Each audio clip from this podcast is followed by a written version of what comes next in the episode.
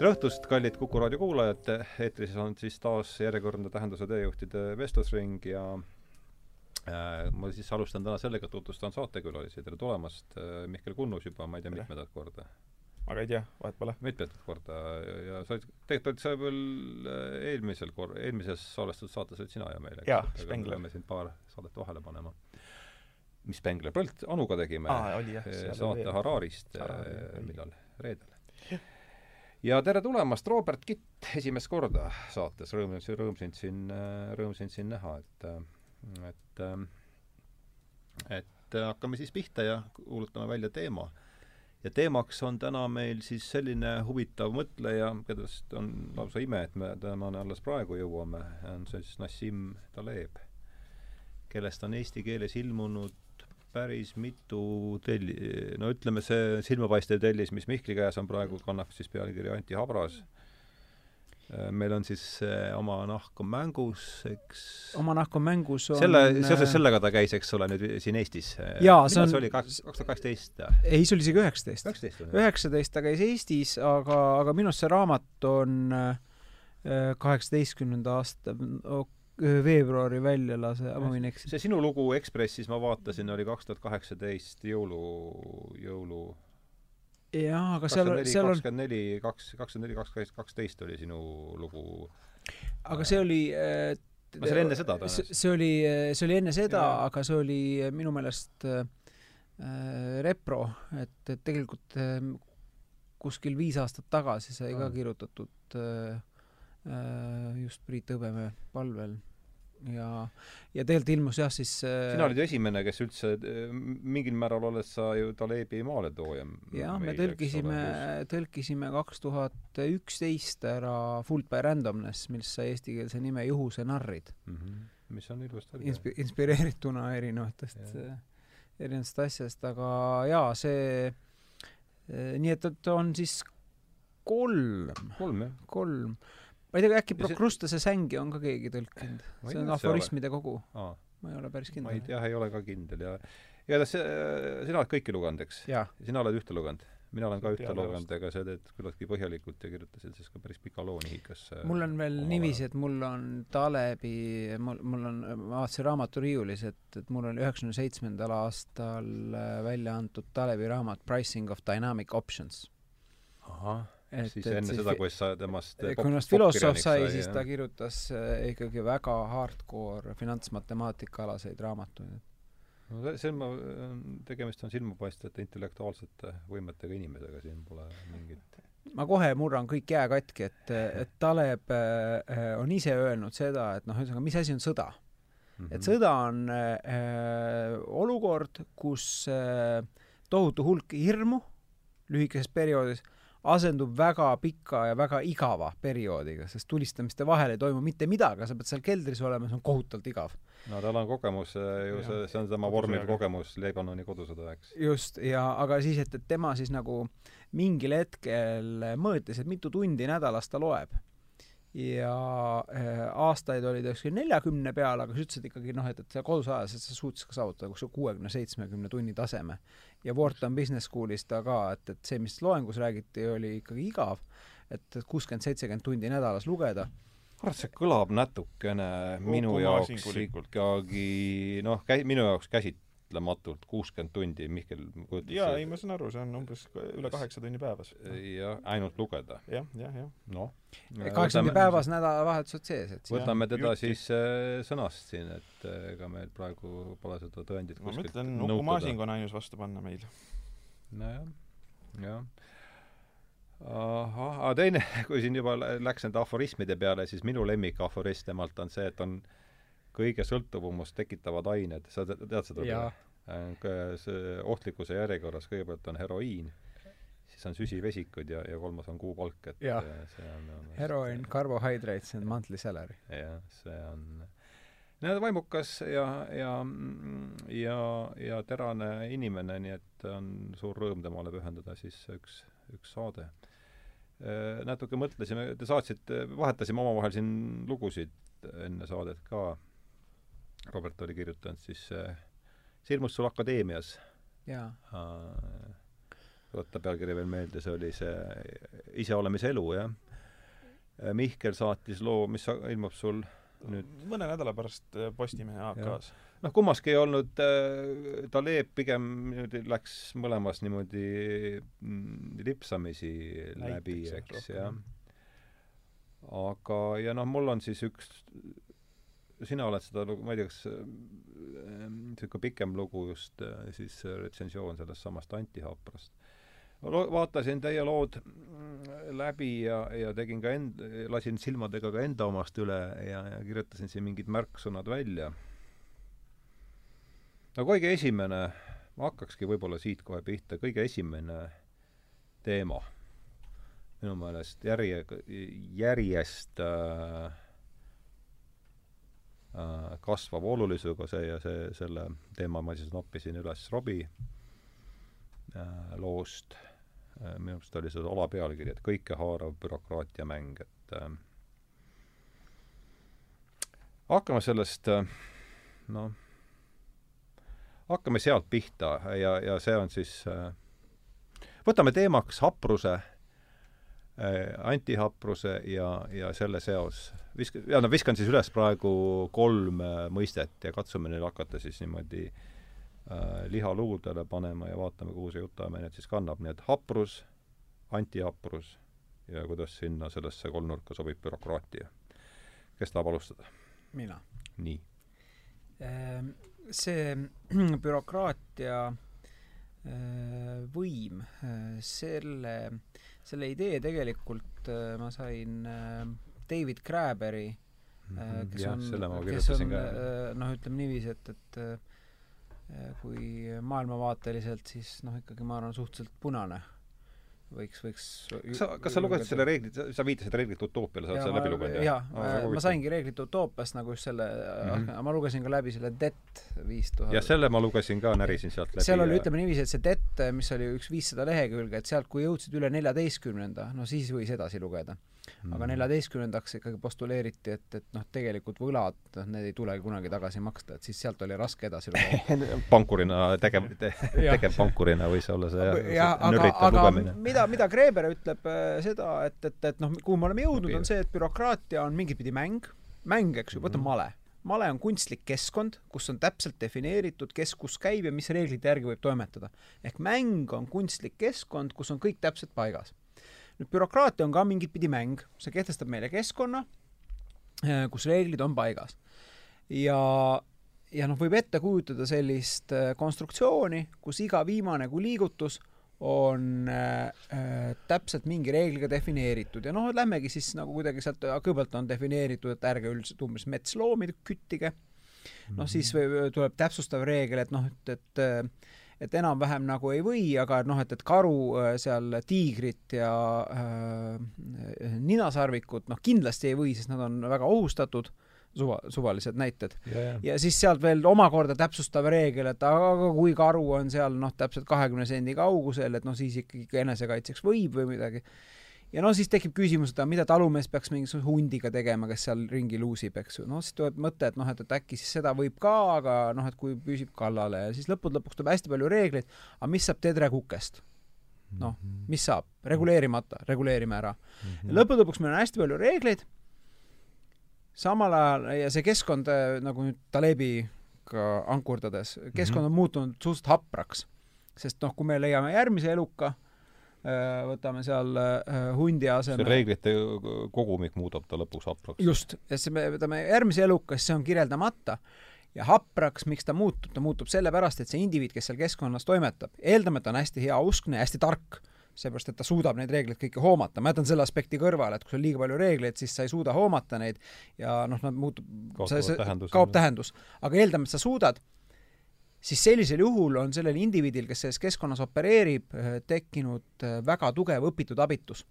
Ta on harjunud reeglist reeglisse, nii on ju norm, nii on valem, nii on peab, nii peab, eks ju, ta on harjunud reeglist reeglisse äh, toimetama ja kui satub ette olukord, mida reeglis ei ole kirjas, siis on kõik, siis ei oska toimetada.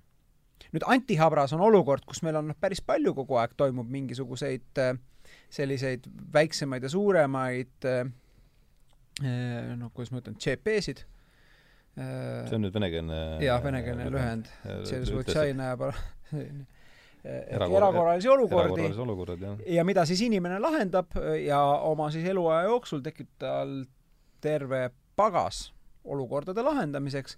Ja nagu kogenud malemängija, kes vaatab, kes on mänginud viiskümmend tuhat partiid, vaatab peale, et ahah, seda ma olen näinud. Ja siit ma lähen niimoodi edasi.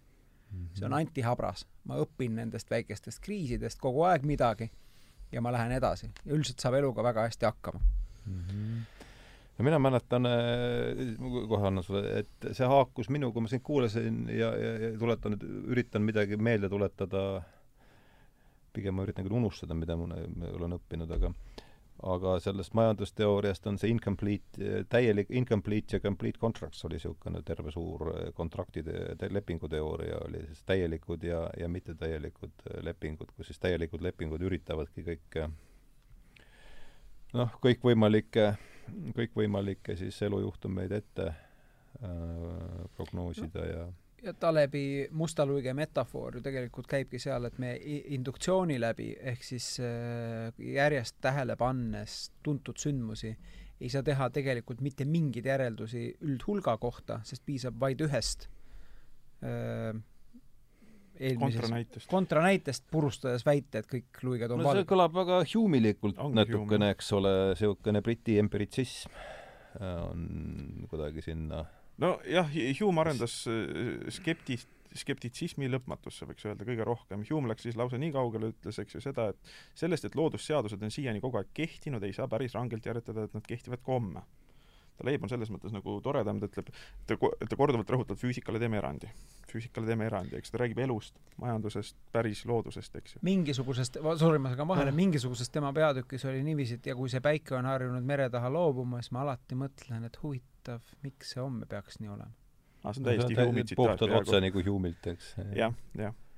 Aga ma ise tahtsin lihtsalt korraks ta- tagasi tulla nii-öelda oma, oma gümnaasiumi ja põhikooli pedagoogi kogemuse juurde selles mõttes, et lihtsamalt kuulajale lahti nämmutada mõningaid asju. et eh, mi-, mi-, mis asi on haprus ja antihaprus? antihaprus, see on niisugune kohmakas sõna, millega ta tähistab siis mitte sitket ja vastupidavat, vaid see on tõepoolest, ta ütleb niimoodi, habras on see, mis äkilise stressori või muutuse korral läheb katki. vastupidav või sitke on see, millele äkiline muutus ega stressor ei midagi. ja antihabras on see, mida stressor või äkiline muutus tugevdab, teeb paremaks. et see on niisugune talle hästi üldine mõiste, see, mida Robbie välja tõi, eks ju, on praegu äh, rakendas bürokraatlikele või mingite elu, elusituatsioonidele. et noh, ha-, miks bürok-, bürokraatia habrastab, sest bürokraatia loogika näeb ette, et kõik tuleb ette näha Mhm. eks ju, ta elimineerib kaoselise ootamatu olukorra äh, nii-öelda meie tegevusväljalt. Ja noh, kui minna praegu, praegu meie poliitikas, siis saab nii, nii suurepäraseid näiteid, eks ju, et järsku tõmmatakse Soleiman maha ja kõigil on va-, va-, va-, va-, mis see nüüd oli, eks ju, mis see nüüd oli, ootamatult situatsioon muutunud. Venemaal astub poliitika tagasi, jälle keegi ei osanud ette näha, kõigil on pea laiali otsas, eks ju, et äh, see, mida ta näiteks väga tugevalt kritiseerib, ongi meie ratsionaliseeritud ettenägemisvõime, eks ju. et elu, de facto elu on kogu aeg ootamatusi täis ja ta siis äh, jutlustab mehhanisme, mis on selles mõttes palju paindlikumad ja oskavad muutustele, täiesti erakorralistele muutustele kohaneda. ja, ja sii-, ma võib-olla veel täiendaks, et äh, Ugo Pardi äh, see Seneca efekt äh, on kaante vahel teos kas see oli ka Sveidi sarjast tuli või? see oli ka, ka kahe, kaheksateist lõpu. aga see on Rooma klubi raport kaks tuhat seitseteist. kes see autor oli? Ugo Pardi on üks keemik minu meelest. Kus ta kolmesajal leheküljel erinevatest süsteemidest näites tuues ütlebki, et reaalsüsteemide ehk siis loodus, inimesüsteemide komp-, kataklüsmid, kokku, kollapsid, hüpped on loomulik osa süsteemist, mitte nagu statistikud Mhm. ütlevad outlier või mis tuleb noh, statistika arvutamisel välja võtta, et sa ei saa elust välja võtta seda päeva, kui sa sündisid. ja, või seda päeva, kui sa surid. vastasel korral, nagu Taleb ütleb, saab teha järelduse, et George Bush on surematu. Sest ta on juba kuuskümmend tuhat hommikut ärganud üles ja järjest kasvava statistilise kindlusega võib Jah, väita et tema suremise tõenäosus on järjest kahanev. jah, see on see negatiivne ja positiivne ind-, induktsioon jah, see või see, et ma nojah, no ütleme ka kuulajatele, mida tähendab induktsioon. induktsioon tähendab eelnevast üldistamiste tegemist. just. ja deduktsioon, vastupidi, tähendab üldreeglist üksikjuhtumi tuletamist. Deduktsiooni pluss on see, et ta on alati õige, tema miinus on see, et äh, me ei või kunagi teada, kas üldreegel on õige, sellepärast et üldreegel on saadud induktiivse tuletamise teel. ehk õpitud kogemusest. see oli ilus, ilus kokkuvõte asjast. aga siit on noh, kõige selle taustal nüüd äh, ja nii palju kui muidugi ei jõudnud üle, lasin ka ainult oma sellest retsensioonist, jõudsin silmadega üle lasta, aga aga kõige selle taustal nüüd, mis ma nüüd siin avavooru järel olen kuulnud, tuleb ju kohe järgmisena ette niisugune sõna nagu optsionaalsus ja optsioonid ja, ja siin on tõenäoliselt kõige mõistlikum anda Robile sõna, et rääkida üldse, selgitada Mis on optsioon? ja, ja, ja kuidas see nüüd haakub, kuidas see nüüd haakub siis äh, seni kuulduga? no optsioon definitsiooni järgi, optsioon on inimese võimalus, aga mitte kohustus. Kui me nüüd räägime rangelt, kui ta ei, isegi ei abstraktse, mitte, isegi väga rangelt. sa ei mõtle nüüd praegu ei, finantsinstrumendina? ma mõtlen Võt- võtame isegi võib-olla reaalelulise optsiooni jah. on see, et see on minu võimalus, aga mitte kohustus teostada mingit asja. minu võimalus, aga mitte kohustus ärgata näiteks hommikul üles. ja, ja minu võimalus, aga mitte kohustus ähm, osta poest leiba. Minu võimalus, aga mitte kohustus ja nii edasi. ja mida Taleb äh, jumaldab, on see, et, et äh, kohustused midagi teha on halvad, võimalused midagi teha on head. ja minu võimalus, ütleb, tema ütlebki, et õnn või laias laastus seisnebki selles, kui sa oled kogunud endale võimalikult suure optsioonipaketi erinevaid asju ellu viia, aga sul ei ole kohustust seda teha. noh, siit ka tema siis see ähm, satiir äh, teemal, et mis on kõige suuremad äh, pahed või mitte, mitte pahed, aga Sõltuvust sõltuvust tekit- tekivad ained. jah. no sa võid see, ütle see ära, see on oluline teadmine. oota, see, see, see jäi mis jäi? ei mäleta enam, mis see oli enne mikrofoni ja pärast mikrofoni, aga et äh, jah, see et, et kõige suuremad äh, sõltuvust tekitavad äh, asjad, mitte ained, aga asjad on äh, heroiin, süsivesikud ja äh, kuupalk. jah, see on oluline, kinni, mate-, lasime materjali kinnistis läbi praegu, et jah, kuigi ma mõtlesin jah, sellest me rääkisime enne mikrofoni sisse lülitamist, aga noh, ongi hea, sai korra, ära, üle korratud. aga jah, Talebile üldiselt äh, noh, optsioonid mitte ainult ei meeldi, vaid ta läheb siit äh, nii kaugele, et ta väidab äh,, et äh, maailm toimibki läbi optsioonide Mm. mm.. evolutsioon on optsioon areneda ühes või teises suunas. sul ei ole kuskil rangelt ette määratud äh, seda suunda, kuhu suunas peavad liigid arenema ja nii edasi. optsionaalsus me võime areneda siia suunas või teises suunas, mõned liigid surevad välja, mõned liigid jäävad alles. samamoodi sotsiaalsetes komplekssüsteemides, mõned ettevõtted äh, tekivad, mõned ettevõtted surevad välja või lähevad ärist välja. Loomulikult selle ettevõtte või selle liigi seisukohast see on suhteliselt fundamentaalne olukord. samal ajal kõiksuse seisukohast on täiesti ükskõik, jääkarudel on pingviinidest täiesti ükskõik. Nad nagu noh, ei, see on irrelevantne ja noh, maailma loomise kontekstis ei ole ka eriti oluline, millised liigid siin maa peal parasjagu arenevad ja noh, samamoodi võib öelda, et ei ole ka eriti oluline, millised firmad äh, sotsiaalsüsteemis väga palju arenevad. aga see on optsionaalsus, mille, mille noh, loodusseadustes äh, evolutsioon on tekitanud, et see on optsionaalsus, arened ühest kohast teise ja loomulikult, kui see areng toimub, siis see ei ole mitte mingisugune pidev protsess, et, et noh, oli natukene, siis tuli natuke juurde, vaid läbi mutatsiooni toimub hüppeline areng ühes või teises suunas. jah, no selle kohta äh, on ka öeldud, eks ju, korduvalt, et noh, kui evolutsioon võtta ja lasta uuesti lahti kerida, eks ju, siis tuleks tulemus täiesti teistsugune. alati, iga kord, kui lased evolutsiooni lahti, tuleb tulemuseks täiesti ju-, teistsugune, ta on põhimõtteliselt ennustamatu. eks ju, see, mis, see, mis optsionaalsusest tuleneb, on ennustamatus. stohastiline, täiesti stohastiline protsess äh, Jah. oli see, mis mina võtsin Robbie jutust et praegu. optsionaalne süsteem on ka põhimõtteliselt jäigalt ennustamatu, eks ju. see sõltub sest ta sellest, pole determineeritud eelmistest olekutest. erinevatelt füüsikalistest süsteemidest. mis haakub sellega mm, Bergsoni väitega, et jumal ise ka ei tea, kuhu ta, kuhu ta, kuhu ta läheb. noh, jah. see loov, loov, Loov vaim. loova No evolutsiooni loov no,, evolutsioon, loova evolutsiooni ei evolutsiooni, see tä- täiesti loova evolutsiooni sihuke see ja siin võib ka tegelikult Mm, argumenteerida, et kas sotsiaalsed ja äh, looduslikud komplekssüsteemid on omavahel võrreldavad, et noh, ühest küljest võib öelda mingit pidi, et noh, elektronid ei mõtle, nad liiguvad. teisest küljest äh, ükskõik, kas nad mõtlevad või ei mõtle, nad liiguvad ikkagi väga kindlas suunas magnetväljas. Jah, ja neil on jällegi eh, siis eh, tung ennast säilitada sellise iseorganeeru-, iseorganiseeruva no nad süsteemi liiguvad et, nii, kuidas äh, loodusseadused ette näevad, et noh, me võime küsida, kas sotsiaalsüsteemides on mingisuguseid äh, üleüldisi seadusi, aga võib-olla ei ole seda aga hästi, see kompleks, ma tean, et see, see sõna on olnud sulle südamelähedane juba pikemat aega vist või?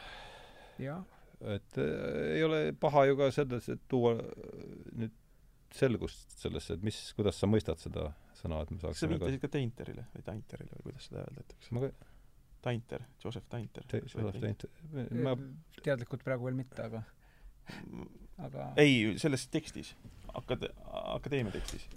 kas minu arust tema ei leidnud Tenterit sealt? ei, või sina mina mina, minul on ta jah, olnud jah. olu-, väga oluline autor. jah, ja Talebil ka, jah. minu viga. Komplekssüsteemid on äh, süsteemid, mille äh,, mis käituvad teistmoodi kui äh, tema moodustanud elemendid. Mhm. et kui me paneme noh, inimestest süsteemi kokku, nad hakkavad iga päev kell kaheksa hommik kokku saama kella viieni, moodustub firma, siis see firma võib käituda teistmoodi kui inimesed üksi. kui noh, tuntud näide on see kalaparv, eks üksikud kalad mm, -hmm. aga, aga äh, põhimõttel iga, igal komplekssustasandil tuleb mingi, tuleb midagi juurde. jah, ja nagu kir- äh,, nagu äh, tuleb praegu see autor meelde, seitsmekümne teise aasta artikkel, et more is different. lisades järgmise äh, keerukuse tasandi, käitub äh, süsteem teistmoodi, et kui meil on lihtsalt elektronid, siis on äh, ühtemoodi käitumine, kui me seome elektronid kuidagiviisi molekulideks, see on teistsugune käitumine, kui seome molekulid aineteks või rakkudeks, on kolmandat pidi käitumine et meie, kui me võtame algteguriteks, siis me, me võime küll, ütleme, sellest süsteemist tuletada algtegurid, aga algteguritest süsteemi süsteemi kokku panna ei saa Mhm. mm. ja äh, see ongi nagu see, mis komplekssüsteemide äh, puhul ka täpse determineerituse korral, täpsete võrrandite korral, kuidas süsteem käitub, lõpptulem ei ole äh, ilmtingimata täpselt määratud. mm. -hmm. ma just ei, ei, ei, ma ei kammi praegu Facebookis, ma üritan Süst- lihtsalt süst- siin äh, süsteemi alamosade äh, parameetritest ei saa tuletada terviksüsteemi Täpselt. parameetreid. Just. Mm, just. eks ju, see on see point. Ja noh, sul helge sa ei saa tagurpidi käima panna, eks ju, et, et äh, su evolutsioon areneb mingis suunas, aga miks ta just nii arenes, kuidas no võib-olla seda iga, igal komplekssustasandil tuleb Jaa. juurde midagi, mida eelmis- Uued seaduspärad. uued seaduspärad ja, ja. Üld-, õigemini seaduspärad, mis ei tule, ei ole tuletatav alumistest kas sulle äh, leia üles mäleta mis see kas sul Köstler ei haaku sellega kuidagi eks ei, see on jälle loomulikult sinu ühendus. see on minu ühendus ja, Jah. ma mõtlesin kas ja, ja ma ei leidnud siit ma otsisin Köstleri et äh, sulle ja sulle ei tulnud Köstler seda Mm. seda aga seoses tal on ka oma termin selle jaoks aga no ei, ei, ei mäleta jälle aga kena et ähm, ilmselt ei ole paha ilmselt ei ole üldse paha ka rääkida äh, siis me hüppasime selle Anti Aprusega sisse, aga ei ole ilmselt paha anda mingi väike kiire ülevaade ka Talebi eluloost nii palju, kui, kui me teda teame, seda enam, et et Robert, sa oled ilmselt kõige rohkem temaga tegelenud, et räägi nii palju, kui sul meelde tuleb ja nii palju, kui sa tead tast, mis, mis seal need olulisemad verstapostid on? Um, esimene oluline verstapost on Amin- am,, Ami-, ma ei oska hääldada, aga Amioun või Aminioon, Liibanonis küla või, või äh, linnakene äh, Beirutist mitte kaugel ta on Liibanoni kristlane, eks Liibanoni kristlane just, Just. ja tema äh, mõlemat pidi suguvõsa on olnud ikkagi Liibanoni valitsejate hulgas, et minu meelest kas ta üks vaarisa oli, oli välisminister või oli peaminister seda ja, ja, ja teistpidi ka, nii et noh, ta väga haritud perekonnast. ta, nagu öeldud, siis äh, minu meelest oli, ta on kuuekümnendal minu arust sündinud. seda võib nüüd küll Vikipeediast kärmelt järgi vaadata, aga ta oli viisteist, kui sõda hakkas. siis see Beiruti või see Liibanoni kodusõda? Liibanoni kodusõda. ja noh, sealt, sealt ütleme, kogu see antihaprus ja kogu see metafoor väga hästi pärinebki, sest äh, Liibanoni kohta öeldi enne seda, et, et noh, sõltumata sellest, mis seal ümberringi toimub, eks ju, et see on koht, kus alati on rahu ja stabiilsus, et nii on juba tuhat kolmsada aastat olnud. ja siis piisas nädalast, kui äh, ida ja lääne Beiruti vahel tõmmati rindejoon. ja põhimõtteliselt anti tuld järgmised seitse aastat või, või rohkem, rohkem. järgmised, noh, üheksakümmend üks lõppes ära. oli nii kaua? jah, sest ma mäletan, ma olin laps, siis ma kuulasin äh, mina mäletan ka uudiseid Beirutist ja väliskommentaatori see... märkmik, kust tuli, kõigepealt tuli Kraftwerki Trans-European Express, ja siis Vambola Põder rääkis väliskommentaatori märkust ja PK Orus olid mingid tegevused. just EKA Orus toimusid tegevused huvitav, need on kuidagi jäänud uudistest, on äh, salvestunud. mis aasta, ütle veel, mis see neist oli? ma arvan, et äh, see PK Oru tegevus, noh, kus mina registreerisin, et toimus selline saade, oli kuskil kaheksakümmend kaks, kaheksakümmend, no kaheksakümmend. mis aasta, mis aasta sa oled sündinud? seitsekümmend? mina olen siis seitse. seitsekümmend seitse, jah. jah, siis on ikkagi täpselt jah, see Beirut ja PK org, no tõesti ja. tuleb see, isegi see hääletool, millega sa nüüd uudiseid väliskommentaatori märkust. nii, aga siis äh, Taleb, nagu öeldud, sõja, kodusõja küüsis seal oli, äh, edasi ta, äh, edasi minu arvates ta läks Prantsusmaale õppima, äh, siis Wharton Business School Pennsylvanias, seal ta tegi MBA, mida ta pärast nagu sarjab oma sõnavõttudes noh, päris jõuliselt.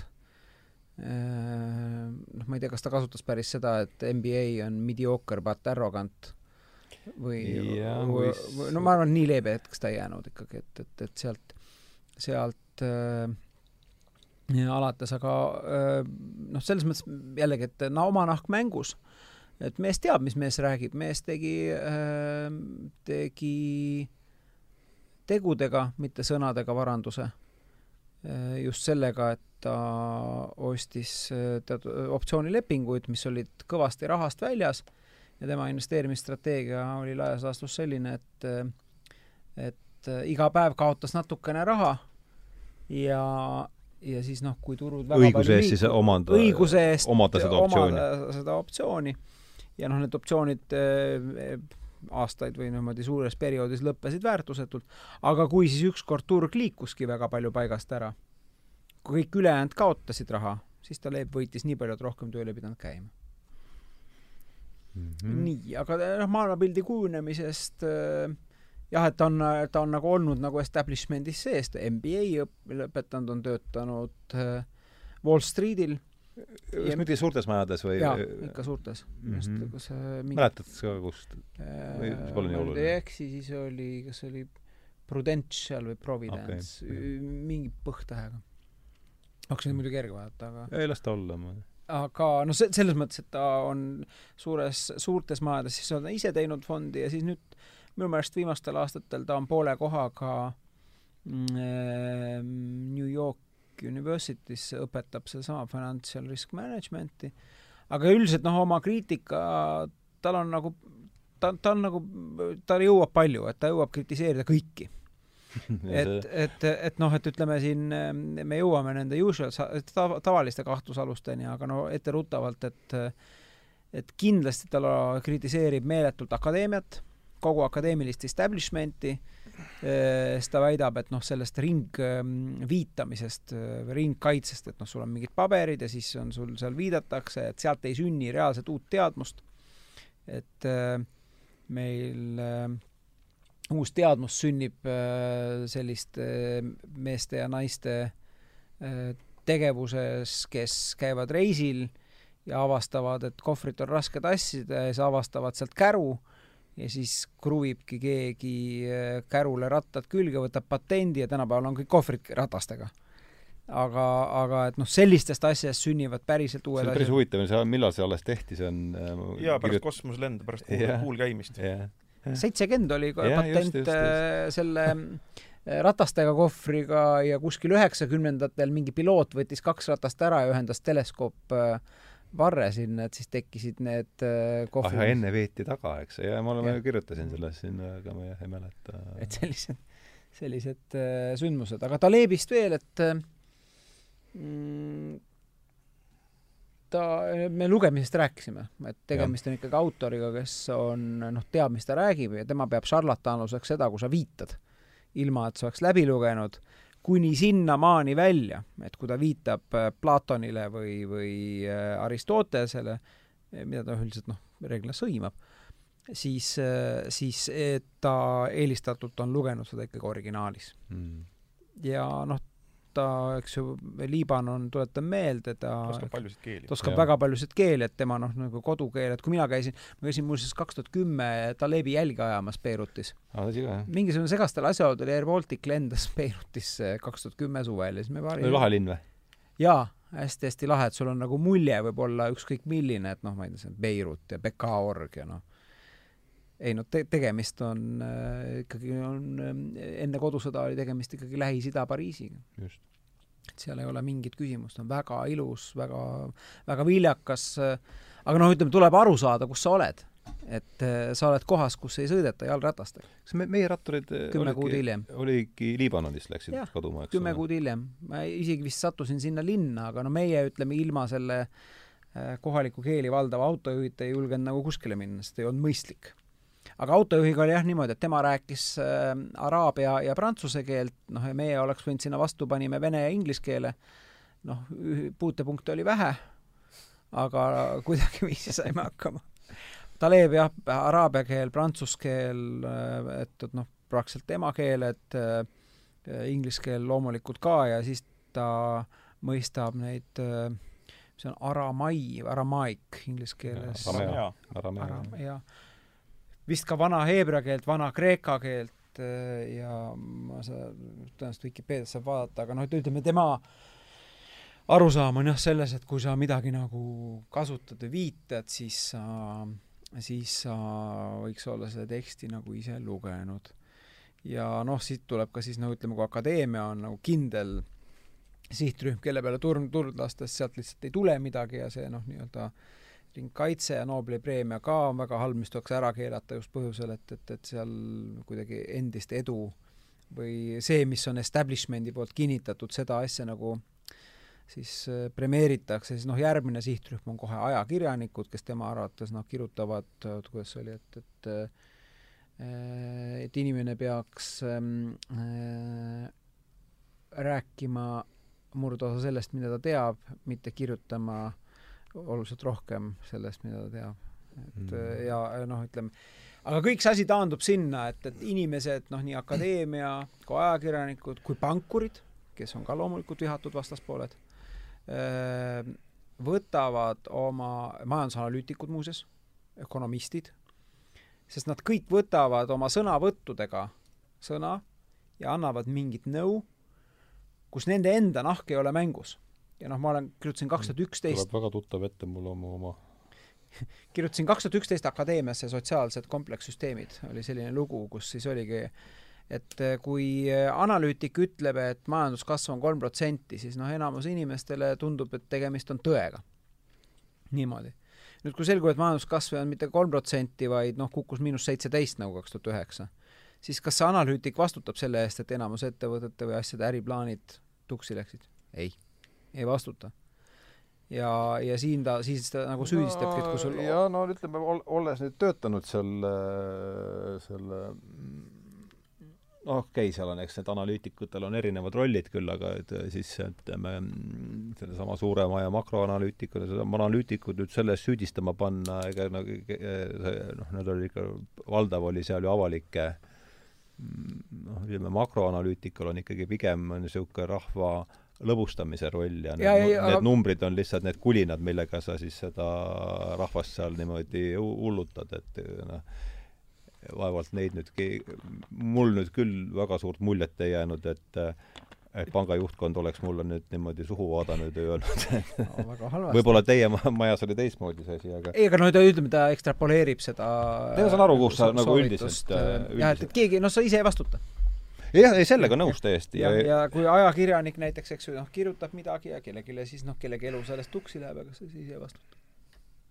et seda ta siis nagu ütlebki, et noh, miks ta Leeb, ta käest küsiti, et mida arvate Microsofti aktsiast. Mhm. klassikaline vastus. ei, ei oska midagi arvata, sest mul ei ole seda aktsiat ega ei ole ka lühikeseks müünud. Mhm. kuna mul ei ole positsiooni, siis ma ei ole pädev arvama. Mhm. Minu arvamus on absoluutselt ebaoluline, oluline on see, milline mul on positsioon. Mhm. no just. jah, et tuleb vaadata inimese aktsiaportfelli, mitte tema sõnu, ütleb ta täiesti konkreetselt.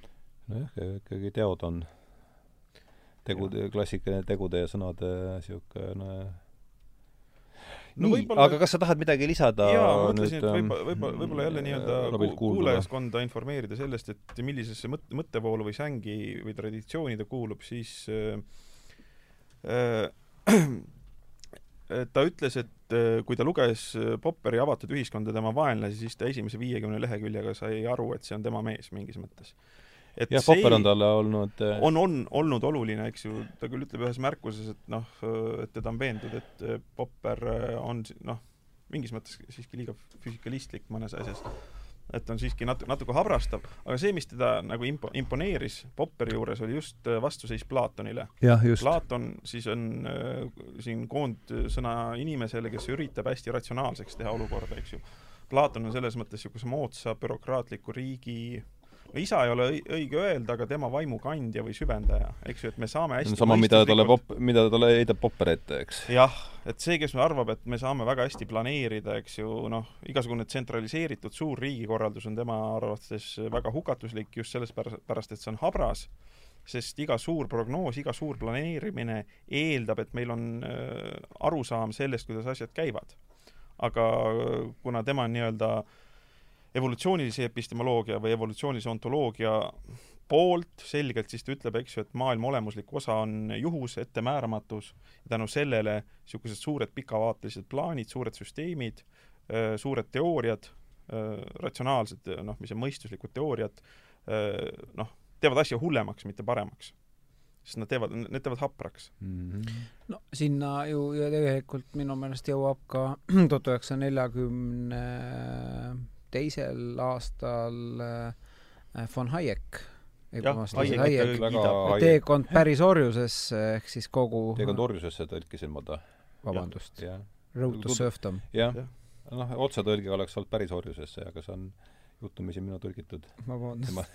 ei, ei, see miks ei, otsetõlge on serfdom jah, mulle kuidagi tundus, et see päris orjus võtab seda nagu rütmi maha sealt, et pole nagu aga no igatahes äh, Hayeki mõte on samamoodi, et ei ühiskond, indiviidid ega mitte keegi ei jõua tsentraalses planeerimises reageerida ennem kui noh, realiseerub väline mõju ja muuseas täiesti hoopis teise nurga pealt Niall Ferguson äh, raamatus Civilization äh, Why the West rules the rest ähm, äh, ju loetleb kuute ega see teile ei, kas see Oli. tuli ka sinu See tuli ka sarjas sealt. või teie sarjas siis? aga, aga noh, see noh, mingit pidi on see kõik, on ühes suunas liigub see sari. Et nojah, seal on mingi üks hoiak on et noh, see on ikkagi selline selles mõttes selgelt õngesari, mitte kalasari. just, et ähm, jah, oli küll see Civilization. Civilizationis ütleb, et kui üks suurriik ei suuda pakkuda oma inimestele kuluvaid teksapükse, kui nad otse tahavad, siis ta ei saagi eksisteerida. ja noh, seal oli just see tsentraalne planeerimine, et me ei suuda elu sees riigi äh, miks ka mina oma kirjatükkides olen ülistanud ettevõtjat äh, ja nii-öelda vaba, väga liberaalset ettevõtluskeskkonda, on sellepärast, et kümme tuhat ettevõtjat, jah, kes kõik selg vastu seina on turul, võitlevad oma positsiooni pärast, on rühmana kindlasti parem otsustaja majanduspoliitika üle kui mis iganes ametnik, akadeemik äh, või muu, eks ju, bürokraat. et selles mõttes äh, jah, sest seal noh, sest sellel kümne tuhandel ettevõtjal ei ole nii-öelda teadmist, vaid nad nii-öelda käituvad tervikuna oma teadmist välja. selles mõttes nende teadmine ei ole, eks ju, intellektuaalne, kuidas. täpselt, nad käituvad oma teadmist välja, väga Jah. hästi öeldud. mm. -hmm.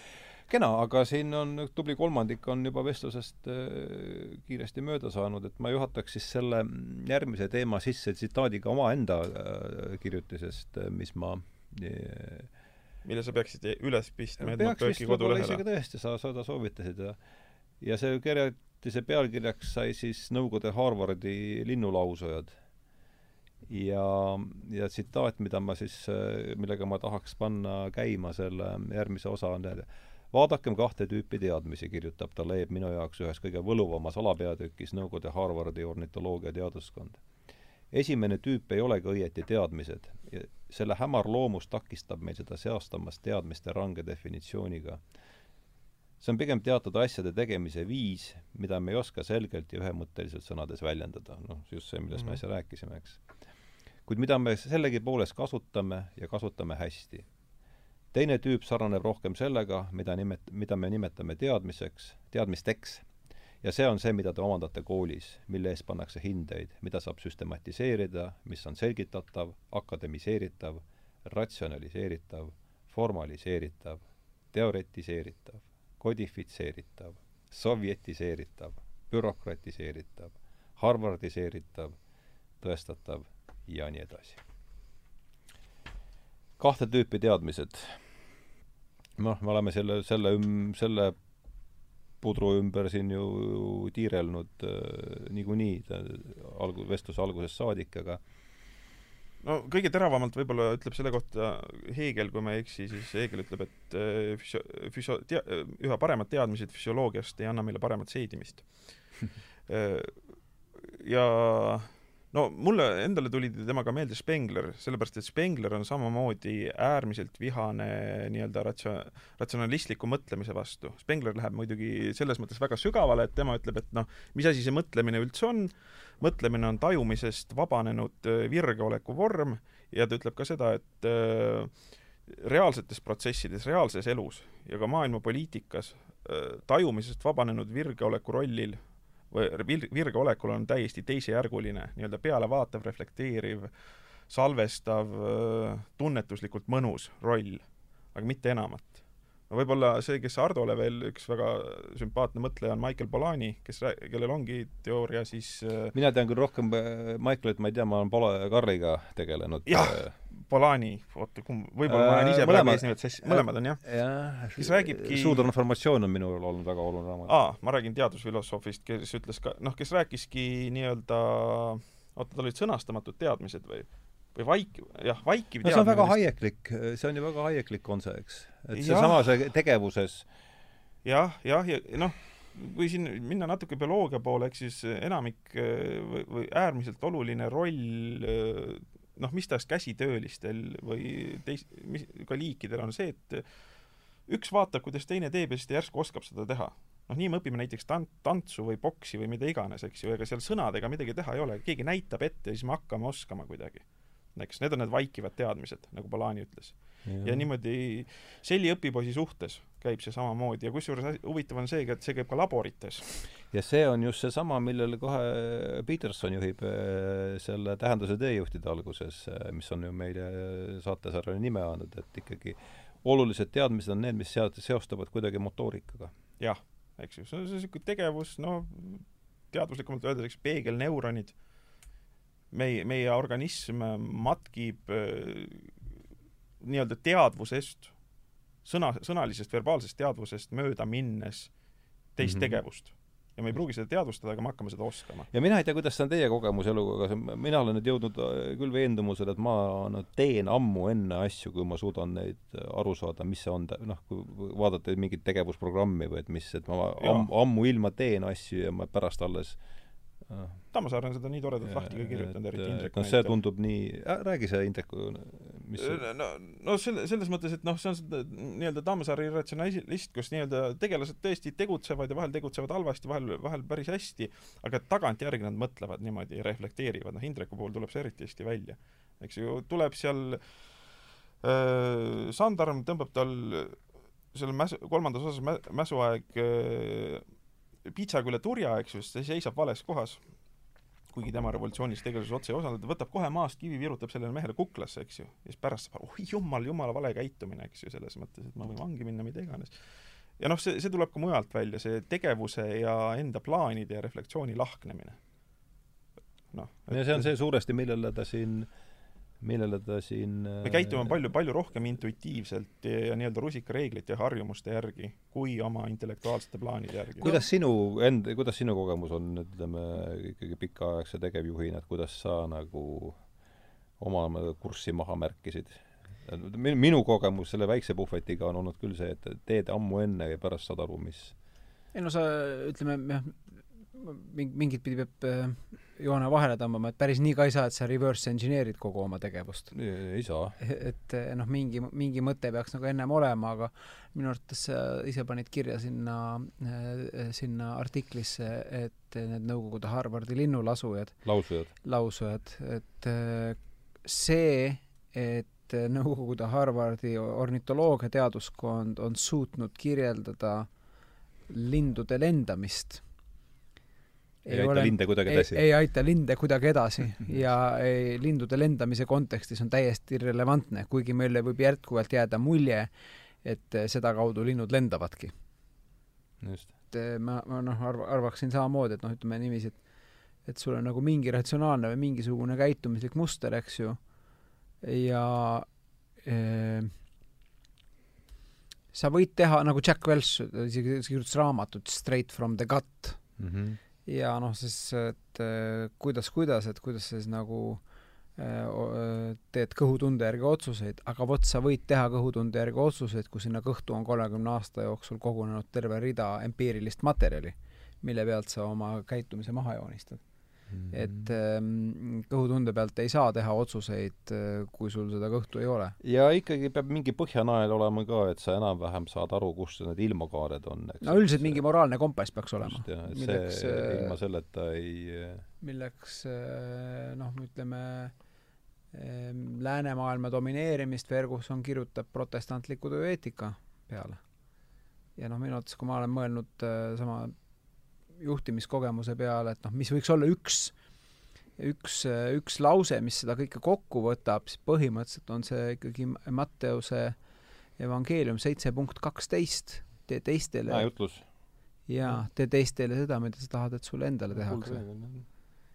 ja e, see nüüd küll moodsam on öelda, et see on John Rawlsi välja mõeldud, et e, no see käib ju enne veel ja äh, no ega Kanti moraalne imperatiiv on ju sama asi teiste sõnadega, kas sa, kas sinu arvates ei ole see nii? Äh, jah, on küll, noh, Kanti imperatiivil on kaks sõnastust, üks on see, et äh, käitu igal hetkel niimoodi, et sinu käitumine võiks olla üldreegliks kõigile, ja teine on see, et kohtle teist alati ka eesmärgina iseeneses, mitte vahendina. aga noh, eriti see esimene sõnastus minu meelest, see on ju selle, mis ta oli, seitse kaksteist oli see või? jah.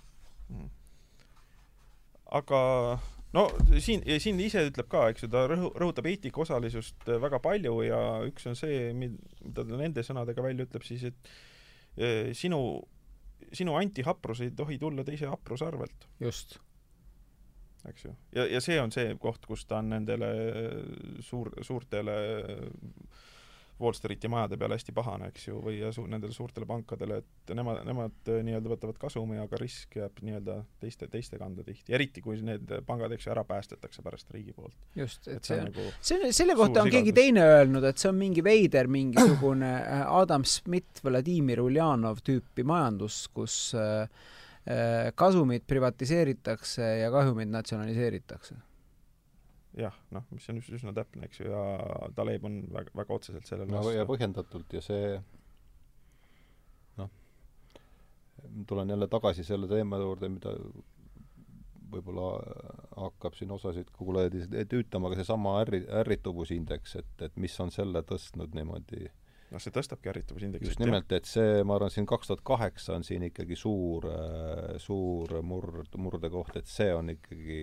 äh, suur osa sellest äh, pahameelest ikkagi pärineb kahe tuhande kaheksandast no, äh, ja, ja, ja siis on terve muster siin äh, asju, kus äh, nii-öelda on sekkutud äh,. minu meelest ta kasutab veel äh, sellist äh, väljendit nagu inter, inter, interventsionistad mm. -hmm Äh, kes siis on, äh, noh, ta muidugi Hillary Clintonit äh, muidugi ei jäta nagu hea sõnaga mainimata jutumärkides, kes siis nagu, noh, kelle nagu diil oli siis, et noh, poliitilisel maastikul punkte saada, siis Gaddafi mahavõtmine ja noh, siis tema nagu, ta ütleb, et noh, Assad ei ole kindlasti ta lemmik, sest Assadi vist see äh, vana Assadi te tegelased lasid ta isa maja õhku seal Aminionis mm. -hmm aga kui sa Assadit võrdled, siis sa ei pea teda võrdlema Norra peaministriga, vaid teiste tüüpidega, kes seal kohapeal asju ajavad ja need on täielik skämm,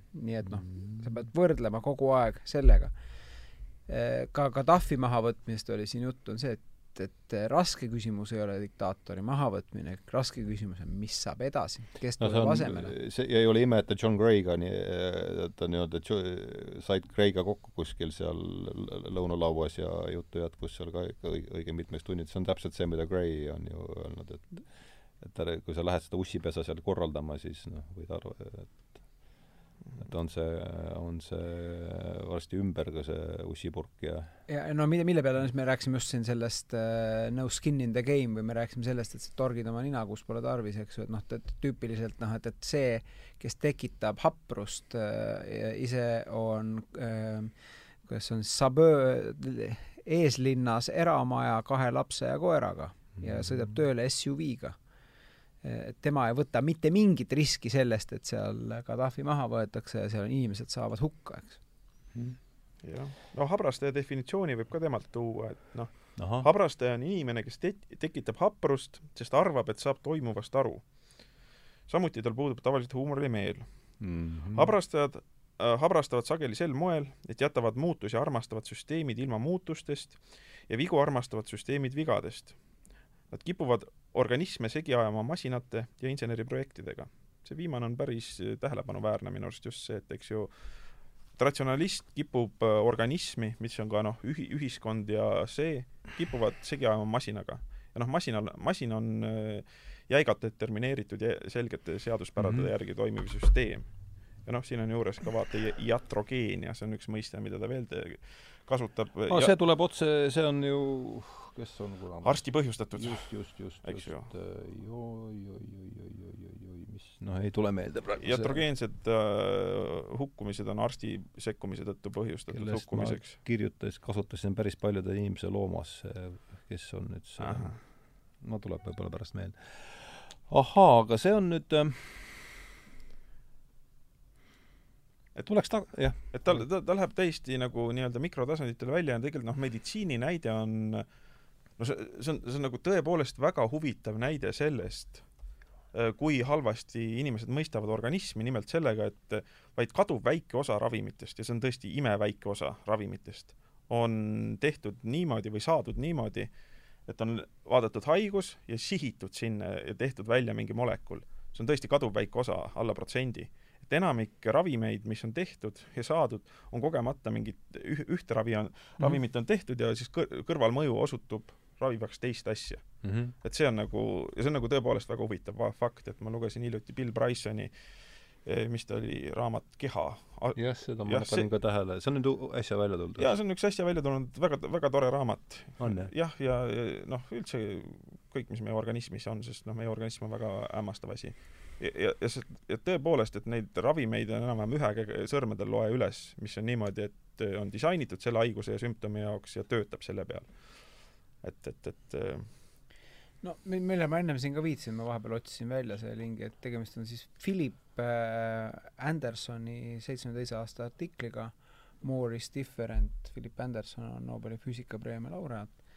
nii et sugugi mitte mees. emergentsus on ka see mõiste, mis vahel kasutatakse et kui süsteemil ilmneb neid omadusi, mida süsteemi allosadel ei ole.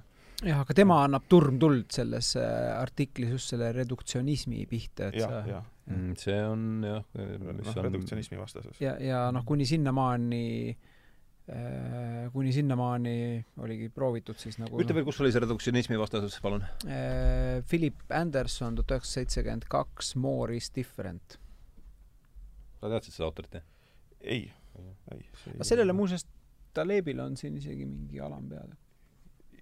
jaa, täitsa, täitsa, täitsa võib olla no mulle kui ja. keemikule meeldib seda, et kui, kui sügavale see välja läheb, on niisugused naljakad faktid, et eks me kõik teame, mis see, milline on veemolekul H2O, ega üks molekul eriti lihtsamaks minna ei saa, eks ju, kolmest aatomist koosneb, aga sellest, sellegipoolest me ei suuda, kui hästi me ei uuriks ka vesiniku aatomeid, kui hästi me ei uuriks ka hapniku aatomeid, me ei suuda neist nii-öelda rangelt tuletada vee omadusi.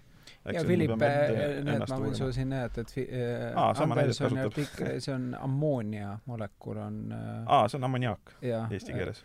lämmastik ja kolm äh, kolm vesinikku. Ja siin on dipool, et noh, ütleme siis äh, Mis- tegelikult ei ole võimalik. mis Jah, konfessioonist Taleb on see? See on mingi Ida kirik siis peab olema, eks ole? maroniidi kristlased ma Jah, jah, jah. pakkuda, aga vaata see järele palun, kui sa viitsid. ta mõnes kohas minu arust mainis seda, aga ma mul on naljakas praegu niisugune tunne, vaata vana niisugune habemega anekdoot on see, et äh, Vene ajast, et äh, mees töötas mingis numbritehases ja, ja üritas siis sealt nagu ikka õlma la- juppe koju viia ja, ja tema enda teadmise järgi töötas ähm, tehases, mis tegi ähm, õmblusmasinaid. aa, ja siis ta tahtis naisele õmblusmasinat teha. aga nii mitu korda, kui ta neid selle osasid virutas, kokku hakkas panema, tuli alati kuulipildu, et äh, et ma olen siin kuu, tund aega seda juttu kuulanud ja kus ma ka seda jutuajamist ei alustaks viimasel ajal, ma jõuan ikka äh, lõpuks reformatsioonini välja. et see, sedapuhku, sedapuhku haakus see selle Robi toodud moraalse kompassi muuseas äh, oluline Ideega. märkus, et äh, vaatasin järgi äh, Kreeka õigeusk. Kreeka õigeusk, no Ida kirikus siis ikkagi Nii. see on nii, reformatsioon. reformatsioon jah, et et kui sa nüüd tõid selle, et ühes, no see tuli selle, see tuli sisse sealt sellest mm, sellest samusest ähm, moraalsest kompassist, mille Robbie tõi mängu, et see tööeetika ja, ja, ja noh, on selge see, et niivõrd äh, keerulisel nähtusel ja mitmepalgelisel nähtusel äh, nagu reformatsioon on mitmeid äh, tagajärgi ja, ja noh, tõenäoliselt see kohusetundlikkus on mingi piirini kahtlemata kiiduväärne nähtus. Aga, aga kui ma nüüd kuulasin Mihklit pärast seda ja seda, seda Anti Habrastaja juttu, et puudub huumorimeel ja niisugune mm, püüd suruda, suruda maailm äh, sellesse samasse noh, siin see no ikkagi see, mis ta see üks raamat on, See säng, sängi üritad, see seal taga ma nagu adun sellist äh, puritaanset äh,, puritaanset äh, meelelaadi ja ja kummatigi see oli väga huvitav, ma panin selle nüüd üles, mul on see väike lõtk olnud äh, kas see oli kuuekümne kolmas vestlus järsku, mis, me pidasime äh, siis Roometi ja Toomas Lotiga, hakkasime küll pihta Platonist, aga lõpetasime ikkagi seal, et moodsa, moodsa teaduse rajajad on kõik äh, suuresti äh, protest-, see on ikkagi, kogu seda asja kannab ikkagi niisugune protestantlik, protestantlik äh, vibe.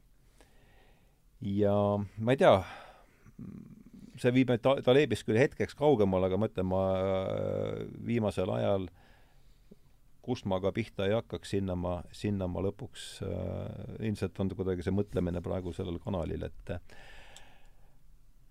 ma ei tea, võib-olla veerand tundi äh,, kui see jutt juba sinna läks, räägime natukene. protestantismist. jah, selles kontekstis reformatsioonist ja need noh, märksõnad ma andsin ette, eks aa, no, sama ikkagi, mulle, mulle tundub, et jä- jällegi ma vaatan kõik, kõik, mis hakkas pihta, kogu see asi äh, minu jaoks, et, et millest see hüsteeria voo, voogamine on tingitud ja see bürokratiseerimine, sa tood selle väga ilusti välja, küll mitte nende sõnadega oma selles kirjatükis, eks, et see bürokraatia vohamise taga on järjestikused hüsteerialained, no sa, on, on mulje, et kui tekib mingi jama, muuseas see on ka väga päevapoliitiline mm, kui kuskil on äh, mingi jama ja, ja see huumorimeeletus just on äh, siin väga oluline. et siis peab kindlasti hakkama midagi reguleerima ja Just. nii edasi, aga see regulatsioon võib omakorda kaasa tuua mingid järgmised jamad.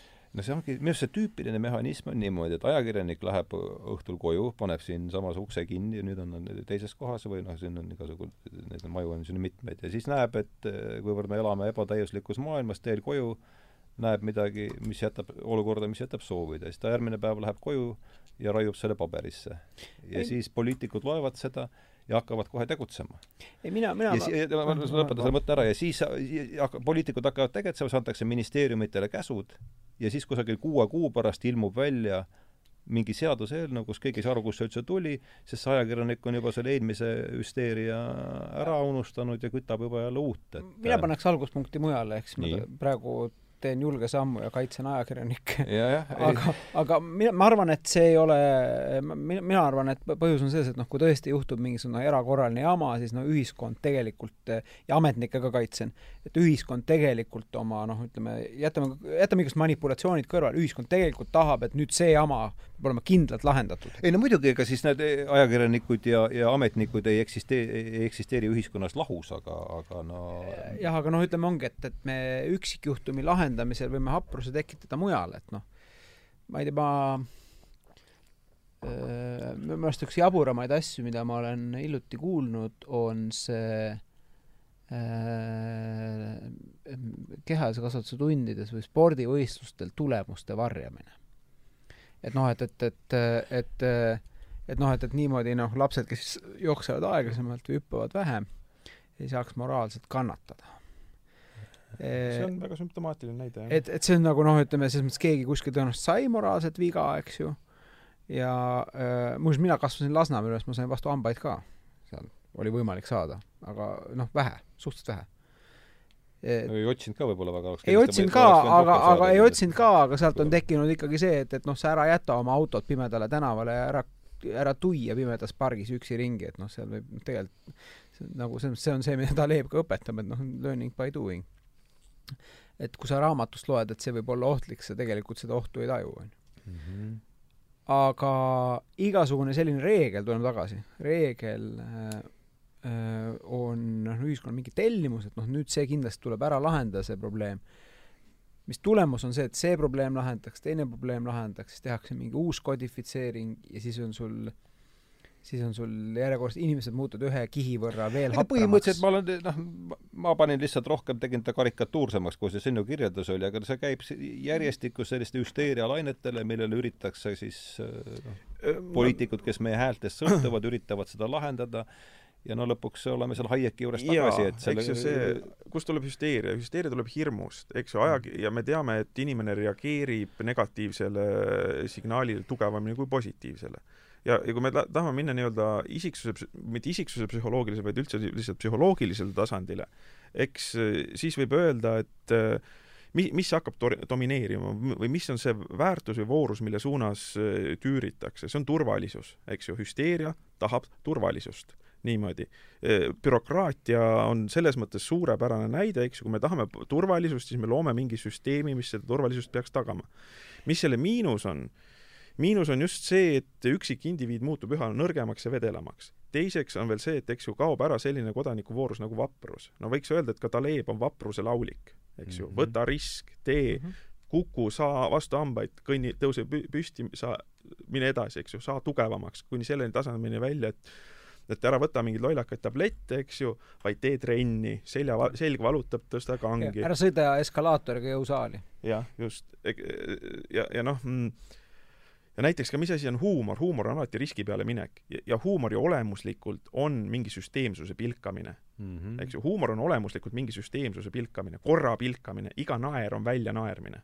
ja Eks? ka ikkagi, ja samas ka ikkagi mingi niisugune määrdeaine, mis võimaldab meil siin kuidagi koos äh, ja, ja selles mõttes, et noh, turvatundele, eks ju noh, kodifitseerimine näiteks, eks ju, see, mis sa ütlesid optsiooni kohta, mingis mõttes ju käib väga hästi flirdi kohta eks ju mm. -hmm. et noh, hea flirt on see, kus noh, sa ei saa kohustust teha. või, või näiteks äh, aga noh, kui need uuspuritaanid liiguvad, siis vastupidi, nad tahavad järjest rohkem ka soosuhtlust kodeerida. eks ju, see, et soosuhtluse lep-, alusmudeliks saaks leping, võimalikult rangelt määratletud leping. hüppame hiljuti lahkunud Scrutoni juurde, kuidas Scruton ütleb, hästi toimivad ühiskonnad ei põhine lepingule vaid on, neid modelleerib paremini või neid on parem kirjeldada vestluse metafooriga. vestlus sõprade vahel mm, -hmm. umbes nagu meie tulime kokku, ega me ei tea, kuhu see välja tuleb, eks ju, mhm. sest meil pole kava ees sellega umbes. korreleerub kuidagiviisi usaldus. kujuneb käigus, jah. just, usaldus ja vaprus, noh, eks ju, sa usaldad ja oled vapper. ja usalduse puudumine toob kohe kaasa hirmu ja sellest ja siis seda, ja siis usalduse puudumine toob kaasa lepingulised suhted. jah, just. et ja. Äh, et sa ürit-, mis on mingis mõttes, toob ju meid tagasi selle esimese raamatu, sarja esimese raamatu juurde, Kolakovski, eks, noh, ja see- sina ise oled sellest palju kirjutanud, eks, et Oi, oli ju see noh, ütleme siis em, kristliku võime teda nimetada ka siis, noh, revolutsioon ei ole see õige sõna, aga siis ütleme sellise suure reformi sisuks oligi ju nende samade seadusepügalate vot see on nüüd, et huvitav, praegu siin vestluse käigus tekkis see, see paralleel, et et kuhu selleks ajaks äh, oli see juutide asjaajamine ju välja jõudnud, oli see, et no need seadusepügalaid, mida jagada, oli ju noh, rullide peale kirjutati, neid hakkas, neid hakkas tekkima juba ju Hoomamatu hulk. hoomamatu hulk ja siis tuli see, siis tuli siis äh, Kri- Kristus oma sõnum, sõnumiga, et pühime nüüd selle, et me ei suuda selle tea-, selle bürokraatia koormaga hakkama saada, et puhume, lükkame selle, selle lepingu tähenärimise kõrvale ja, ja tuleme tagasi, noh. Usald-, usaldus, Armastus, eks ju, armastus eelhoiak ja ikkagi midagi reaalset, mis meid, seesama, mida Scruton otsib, eks, see, mis meid noh, reaalselt seob. ja ja se- selle plussiks on ka see, eks ju, et noh, sõ-, noh, sõbraga ei ole su suhe kuidagi lepinguliselt äh, määratletud, aga sa tead, et ta ta on sinu, sinu suhtes positiivselt häälestatud, eks ju, ja ootamatuses olukordades ta tõenäoliselt üritab noh, kuidagi just seesama positiivne hääl- häälestatus Jah. ongi kuid, kuid äh, ma proovisin kirja panna noh. ja Just. ma, ma proovisin mingil hetkel kirja panna mingeid juhtimispõhimõtteid või mm. -hmm. mida iganes Ma no, ja ma jõudsin äh, loomulikult otsapidi kohe mitmekesisuse ülistamiseni, kuid mitte selle vaatenurga alt, mis on nagu tava äh, kahtlusalune, vaid selle vaatenurga alt ja ma just leidsin, otsisin ka kindlasti, keegi on tarku lauseid öelnud ja noh, Montaigne, ma ei oska öelda, Montaigne on Pudinov.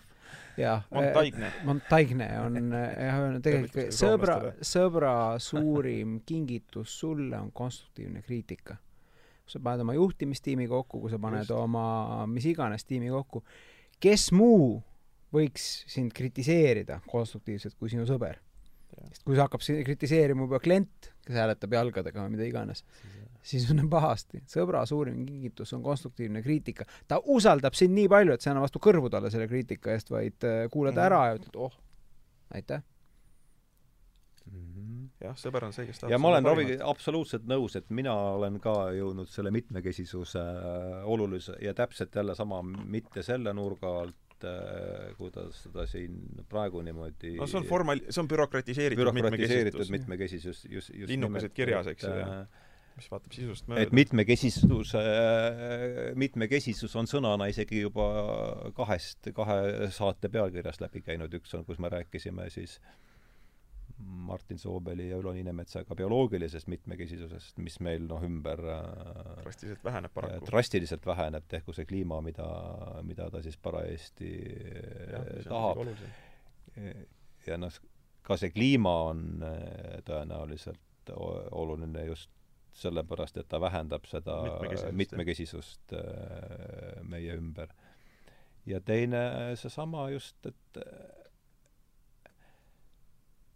et ikkagi minul võt-, on võ- see ei räägi küll minu taiplikkusest palju, aga minul on võtnud üle viiekümne aasta äh, jõuda arusaamise, jõuda arusaamise, et, et peale minu peas toimuva on veel teisi päid, mille peas toimub tegevus. et selle, see võttis mul ikka ligi viis, üle viiekümne aasta võttis see aasta ja nüüd on, kui see niimoodi on ja kui sa saad aru sellest, et sinu pilt reaalsusest on mitte totaalselt teistsugune, aga võib-olla ka isegi ei ole see ikkagi üsna teistsugune. Ja sinu, sina näed teistsugust pilti, et, et noh, küsimus on selles, kuidas me selle pildi siis omavahel kokku saame, sest noh, kolm paari silmi on ikkagi kolm paari silmi, mitte üks silm, et et see jah, ma arvan, et see mitmekesisus on äh, no üks, bioloogia, üks kur-, üks kurvemaid asju, mis on juhtunud, on selle sõna ärakroonustamine, see tuleb, see, see sõna tuleb nüüd kroonu käest ikkagi tagasi äh, siin on selline autor äh, nagu Scott Page, Scott Page. jah, kes äh,, mul oli just näppude vahel tema tiitel Diversity and Complexity, ahah. Scott Page, jah. Scott E. Page, Scott Page. Äh, ja aga ta on kirjutanud ka ve- veel aga aga noh üldiselt ta- Diversity and complexity sedapidi või? just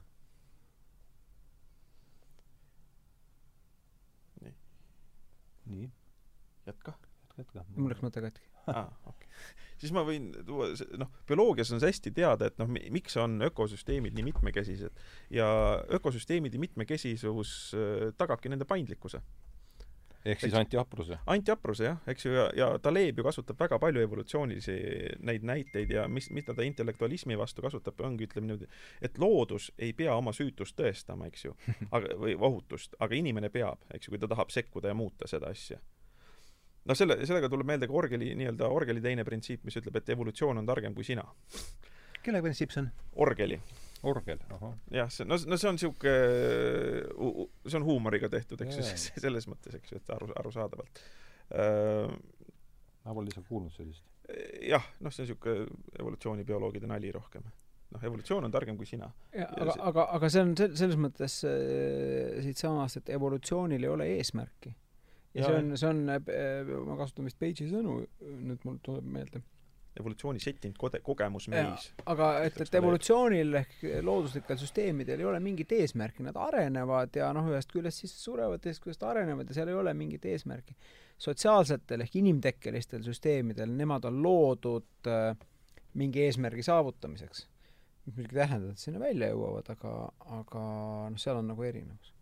aga ütleme jah, evolutsioonil ei ole eesmärki. Mhm. ja, ja noh, lihtsalt see, et millele Taleb ütleb, eks ju, miks me peaksime käituma väikeste sammudega, sest see on noh, me, siis me matkime evolutsioonilist käitumist, täpselt. eks ju. siis me, siis me matkime, kui me teeme suuri asju, siis kuna meie mõistus on, eks ju, nii või naa nii piiratud, et siis me paneme nagu täiega puusse. eks ju, et noh, see, selle mõttes on ta igasuguste suurte süsteemide ja niisuguse võltsturvatunde vastu, eks ju. et bürokraatia loob võltsturvatunnet. No ma olen ise näiteks inimõigusi just sellepärast kritiseerinud, öelda niimoodi, et noh, mik-, miks on oht uskuda, et meil on mingid kaasasündinud inimõigused, mis meid igal juhul kaitsevad. sest asi on selles, et need inimõiguste nii-öelda realiseerimise tingimused on ise nii haprad, eks ju see tähendab, et meil on rahu, meil on jõukus, nii, nii edasi, sõda ei tule, eks ju, need on mingi, mingid seesmised kaitseomadused, ei ole tegelikult, jah, eks ju. et nad ei taga meile midagi, majandus läheb pekki, kapitaalselt on kõik pekkis, sa võid oma süüa oma inimõigused. Eks et need ei päästa meid. ja oleme, olles Ja- nüüd võib-olla üks mõtetest, mis mul on sellest neljast ütleme, kui see jää minu jaoks liikuma hakkas ja, ja selle ikkagi pani minu jaoks Peterson liikuma. jaa, Jordan Peterson. Jordan Peterson, jah. et ähm,, et siis üks äh, asi, mis ma temalt äh, on jäänud äh, ikkagi selline kõvakettale, on see, et ähm, kui sa vaatad lahinguolukordades need äh, või tähendab see posttraumaatiline stressi, et, et see ei ole põhise, põhipõhjuseks ei ole mitte see, et mida nad on näinud kedagi tegevat, vaid see, mida nad on ise teinud, et inimene ei on avastanud endas ja on avastanud endas jah, sellised sopid, millest neil ei olnud aimu, aimugi ja millest ei saagi olla aimu olukorras, kus noh, kõik on turvaline. jah, trammid äh, väljuvad äh, minuti pealt, eks. ja no Taleb toob siin raamatus ka ühe näite, eks ju, kes on nagu kõige hullemad laste habrastajad ja siis on see soccer mom on see ingliskeelne termin, jalg- jalgpall, jalgpalliemmed. no see haakub ju täiesti sada protsenti sellega, mida Peterson jah, Petersonil ongi, eks üks, üks seal elu, kaheteistkümnes elureeglis, mis just tõlgiti eesti keelde, et seal on see, et ära sega rulatavaid lapsi, on üks, üks reegel ja reegel ongi siis see, et ta toob selle ilus, ilusa näite, et la-, lapsed mängivad rulaga nendel käsipuudel, lasevad liugu, vahel kukuvad, vahel tõusevad püsti, eks ju. ja siis pandi sinna igasugused tõkked ette, et nad ei saaks rulatada. jälle turvalisuse nimel aga om- ometigi ütleb, Peterson ütleb ka seal, eks ju, et me ei taha sellist turvalisust ja lapsed äh, tahavad äh, nagu tal on see ilus väide, triumfeerida ohu üle, eks ju, nad tahavad harjutada ennast ohuga. ja see on just see hea, see, et see on niisugune mõõdukas oht, optimeeritud oht. et normaalne inimene ei taha ohtu minimeerida, vaid ohtu optimeerida. Eks ju, lapsed nii-öelda instinktiivselt harjutavad tahavad seda käia selle kaose ja, kaose ja. ja korra piiril, kus on tähendus. jah, kus on ja, ja, ja, ja kus meie, meie tegelik elu on, sest minu arust üks asi, mida ajakirjandusest võiks õppida või selle, mis, mis meil sealt tuleb kogu aeg, kui pööraselt ennustamatus on. nüüd järjest on olnud uudiseid, Venemaal astub valitsus tagasi, no me mõtleme, teeme siin igasuguseid strateegilisi plaane, järsku saab Putin insuldi, see on võimalik, eks ju, ta on ikkagi kõvasti üle keskea mees, lihtsalt kõmm ja see on noh täiesti saame- ennustamatud me saame sellest kaheksa aastat hiljem teada küll, aga jah, noh. mina sattusin, mul tekkis kümme aastat tagasi kinnisidee, et äh, ma pean äh, teada saama kõike, mis toimus äh, ööl kahekümne kuuendal aprillil tuhat üheksasada kaheksakümmend kuus kuskilt sealt sada kilti Kiievist põhja suunas.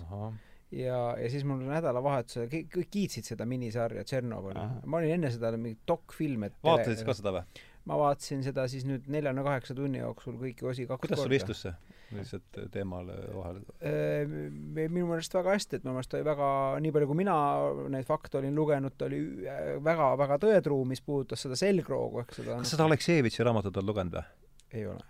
see oli, no see, on päris palju võtta, okei, aga, sa aga mi- minu meelest, mis seal, mis seal äh, päriselt noh, mis nagu selle ütleme, selgroo peale oli ehitatud, oli tegelikult see sõnum, et sul see noh, tegelikult sõnum oli antitotalitaarne ühiskond, mis noh, kui sul tuumafüüsik on leidnud kümme aastat varem, et äh, sorry, aga meil on disainiviga, selle asemel, et korda teha, sa nagu äh, vaikselt mätsid selle kinni, et kuule, et, et, et pole siin midagi ja seal noh, ma ei tea, seal filmis oli Volkov, aga, aga noh, ütleme sest me jumal oli talupoegadel oli elektrit vaja, et äh, ei, lihtsalt mitte miski ei tohi väärata illusiooni Nõukogude tuumatööstuse üleolekust. punkt. Mhm. ja noh, vaikselt oleks nad ka korda teha, ei tehtud ja lõpuks lendab sul krempel vastu taevast. ja siis on ka niiviisi, et Frankfurdis, eks ju, või kuskil hoitakse lapsed toas, aga, aga Kiievis oli, eks ju, maiparaad ja pikk nädalavahetus ja ilus ilm, onju. Sada kilti. või seesama see jah, et see salgamine just mina, mina, mis ma sealt õppisin, miks ma kaasa kaks korda ka, et ma tekitasin endale mingil hetkel, ma olen käinud Ignalina selle reaktori peal, kus see filmiti, eks ju. et noh, Mhm. tegelikult näebki niisugune välja. ongi nagu ajamasin.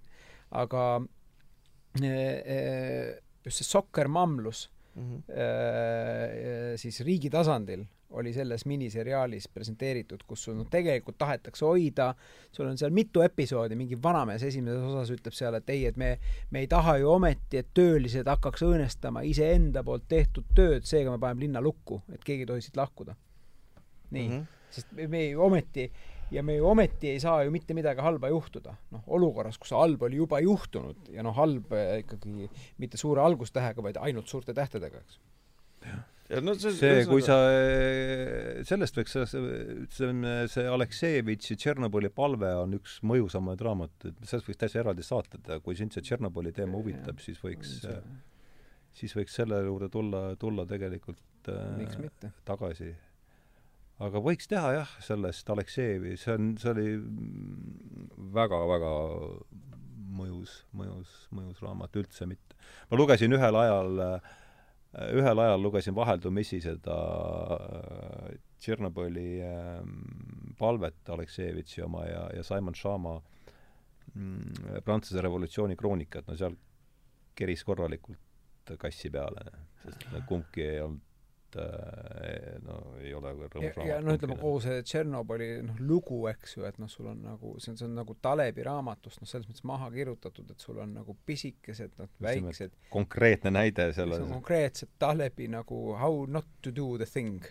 et noh, sul on nagu mitmed väiksed asjad, mille nagu kokkulangemisel tekib sul suur must luik, loomulikult sa võid pärast kellegi nagu süüdi mõista, mis vahet seal on. see ei päästa jah. See ei ühesõnaga, see. on noh, niisugune kui nii-öelda see oli, ma seal, seal filmis, vaata sa nägid filmi äsja ja no seda miniseriaali. ja jah, see jah, see miniseriaalis, kus nädalavahetusel kaks korda kõiki osi. kus nad olid, kus see tuletõrje oli seal haiglas ja see oli niimoodi, et oopiumi ei saanud enam süstida, kuivõrd kõik oli Morfiini nii nojah, Jah. ütleme, noh, sisuliselt mul sul olid veenid ja arterid olid veenid olid kõik nii läbi, et, et siis sa lihtsalt, see ongi lihtsalt mingi valu äh, Pundar, jah. valukogum lihtsalt inni muutud selleks. jah, ja seal tuleb ilmselt seesama Bergsoni aeg mängu, et sa ju ei, noh, seal on, et ajaühik on see, teine. see ei ole Newtoni aeg enam, milles seal see Protsess eh, käib, protsess toimub, meil eks. oli Saaremaa kontori kempsu ukse peal oli üks väga sügavmõtteline äh, paberilipakas kleebitud epoliimiga või Mhm. momentliimiga. minuti pikkus sõltub sellest, kummal pool ust sa oled. no kidding. ja Aga no noh- mis, mis seal see minut või see, see, bürokraatiaga ma mõtlen jah, et bürokraatia on nagu, eks ju, ta on mingis mõttes nagu sahk, mis kõik väiksed asjad lükkab kuhja, kõik ohud. aga see kuhi ei kao ära sellepärast, eks ju mm.. natuke. et, et, et see hir-, noh, see, mida, mida nii Peterson kui Taleb teevad, on, et sa harjutaksid ennast kao sellise komponendiga, mitte ei üritaks seda no kaotada. ja et süsteemi, igasuguse süsteemi loomulik osa on kollaps või kukkumine või krahh.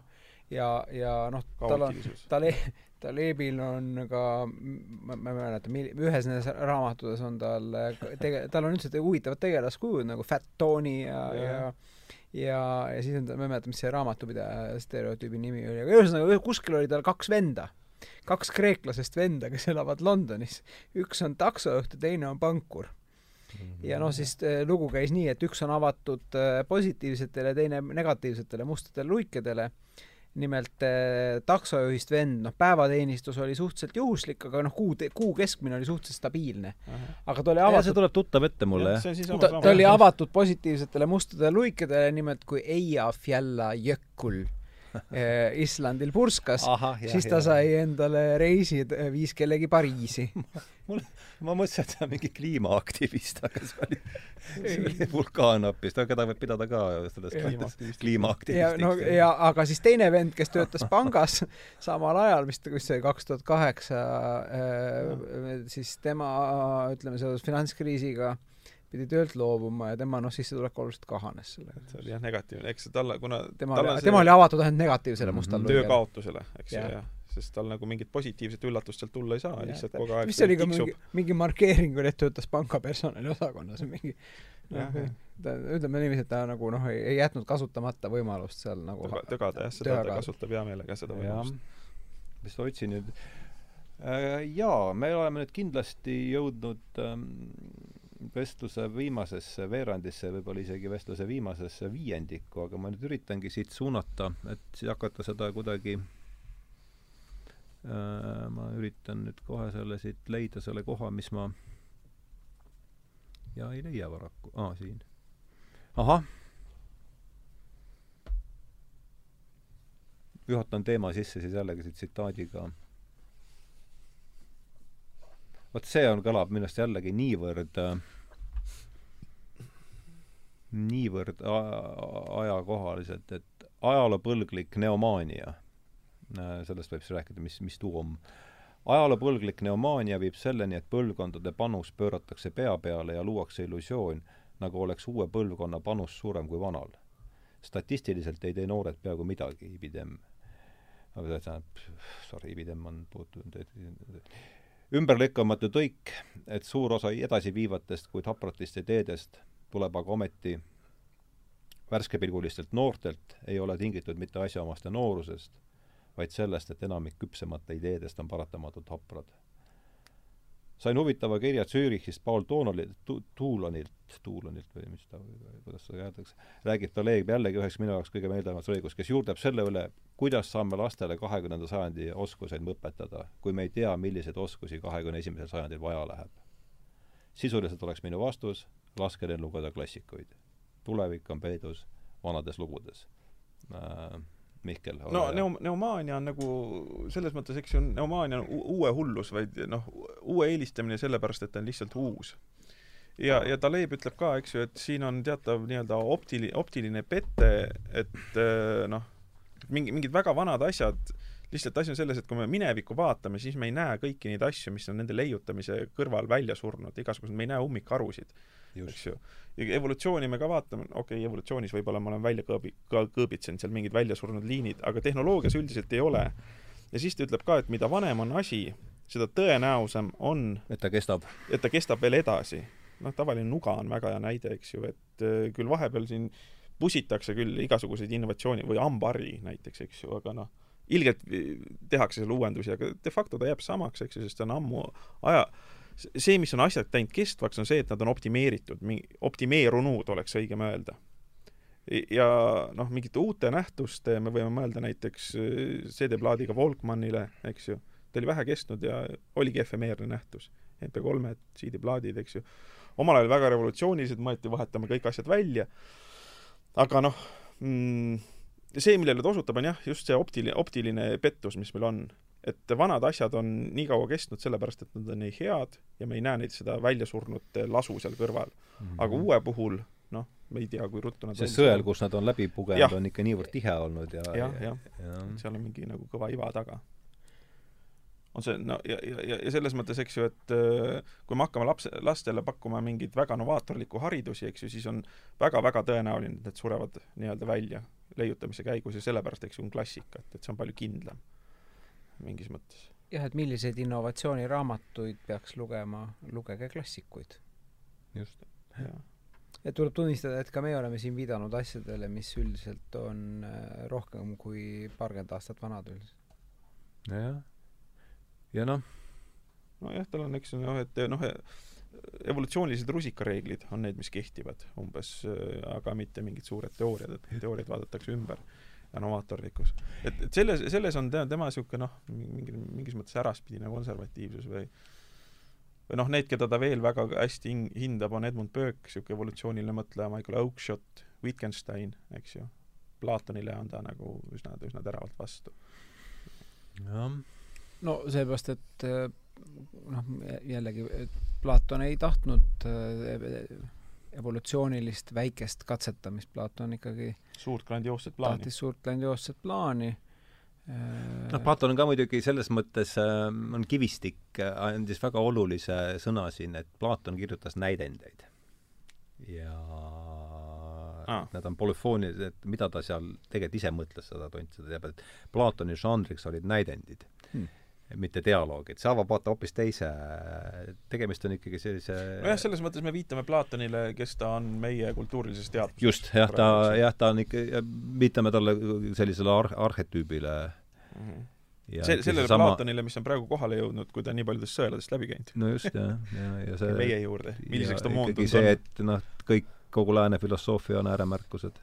Platonile, jah. ääremärkused Platonile, jah, aga no veel kord, kui siin me rääkisime Popperist kaks sõna, siis mul kulus autoga Popper on sulle olnud ju südamelähedane. jaa, mul kulus pikana. autoga äh,, me olime Metsaülikoolis, sõitsime tagasi koos äh, Urve Eslas, mina ja Tõnu Viik mm. -hmm niisugune huvitav kaaslus ja ma arvan, me ei jõudnud Ote-, või sellest Käärikust veel Otepääni, kui, kui Tõnu Viik juhtis mu tähelepanu, et Popper ikkagi meelega valetab ja mustab neid, et tema on Heegelit uurinud isiklikult ja kurat, mees pole öelnud niisuguseid asju, nagu Popper talle suhu paneb. Aga, aga ma, ma ei osanud temaga mitte kuidagiviisi vaielda. Ja ei tahtnud ka, aga et selles mõttes jällegi, et noh, siin, siin me jõuame nüüd Talebi juurde, et, et selleks, et midagi väita, tuleb ise midagi lugeda jah, ja õigu peal, õigupoolest aga no inimelu on piiratud ja kõigil ei ole võtta kuuskümmend tundi no, me, me, ta, ta ja, ja ta, ja ta ka oli väga kurb, et ta tsiteeris Hammurabi seadusi, mis on noh, põhimõtteliselt hammas sa räägid Talebist nüüd? jaa, ta, Taleb, et ham-, no mitte viik.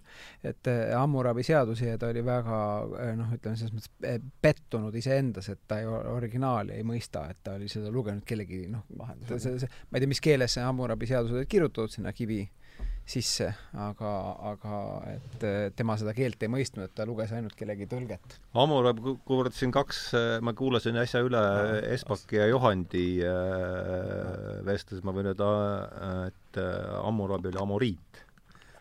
ja tõenäoliselt rääkis äh, amoriidi keeles, aga no see ei aita meid ka väga palju edasi, et äh, jah aga lihtsalt, et me ei peaks tegelikult äh, nii-öelda oma, oma vastumeelsust suurte süsteemide vastu põhjendama vastuseisuga Platoni vastu. jah, aga nüüd tuleme selle, tuleme selle Talebi nagu teema juurde tagasi, et eks ju, et noh, et vana on hea ja see ankurdub sinna, et äh, see šah pärsia keeles tähendab kogemus vanus mm., samamoodi senatus on seenior mm -hmm. ladina keeles kogemus, vanus, et on mingi põhjus, miks äh, vanad on lugupeetud ja see hallib ja tausta. Äh, et see on mingi põhjus, et nendel on kogemused, mida noh, inimesed peaksid austama ja noh, ei tasu mo-, moehullustaja kaasa minna, noh, Taleb muidugi selles mõttes nagu noh, selle vindi käi-, täiesti isegi üle, vaid täiesti puruks keeranud, et tema jaoks on apelsinid äh, mõttetud portugallaste väljamõeldised viissada aastat tagasi, et, et noh, kommi aseaine, et, et tegelikult noh, tema sööb ikkagi ainult neid originaalasju ja no eks see mind, ta on mulle sümpaatne mõtleja kahtlemata, aga no paarid kohad praali põrmsalt. no kõva praal ja, ja, ja see ma, ma ikkagi ap apelsinid ikkagi tundub ja, ja paaris kohas okay pani ta mind ikka muigama ka jah, et noh just jah, aga, aga noh, ta ütles, et ta läks sellele õhtusöögile, tema jalas olid jalanõud, mis laias laastus olid sarnased, mida kanti, ei ta läks restorani õhtusöögile, restoranid olid juba kaks tuhat viissada aastat tagasi, kandes samu jalatseid, ilmselt sandalette siis, mida kanti viis tuhat kuussada aastat tagasi, et noh, tema on nagu rust rahul, et ta nagu vanu asju äh, vanu asju nagu meeles. no üldiselt äh, ju noh, ma ei tea, kas Eesti rahvasõna on sellel teemal, aga et äh, et noh, traditsioonid, eh, seal on mingi väärtus ikkagi on. nojah, ja eks eh, noh, seesama ikkagi, jällegi jõuame sinna tagasi, et eh, no ja ta rõhutab ka seda, et eks ju me ei tea, noh, et me ei mõista, me ei mõista, mingi, miks mingi asi on vana, aga seda võib usaldada ilma mõistmata. No ja ega jõuame sinna ikkagi, et see tähendus on kaose ja korra piiril ja, ja eks traditsioonid äh, ju ka kätkevad mingis määral, mingil määral siis äh, seda korra jaa, ja see vist, mida ajahambale vastu pidanud kord, aga seda me pidevalt äh, uuendada, et see püsiks. mida vist otseselt sest korral on ju jällegi ka taandumus äh, või tähendab siis kalduvus ju kristalliseeruda ja, ja muutuda, muutuda türanniaks.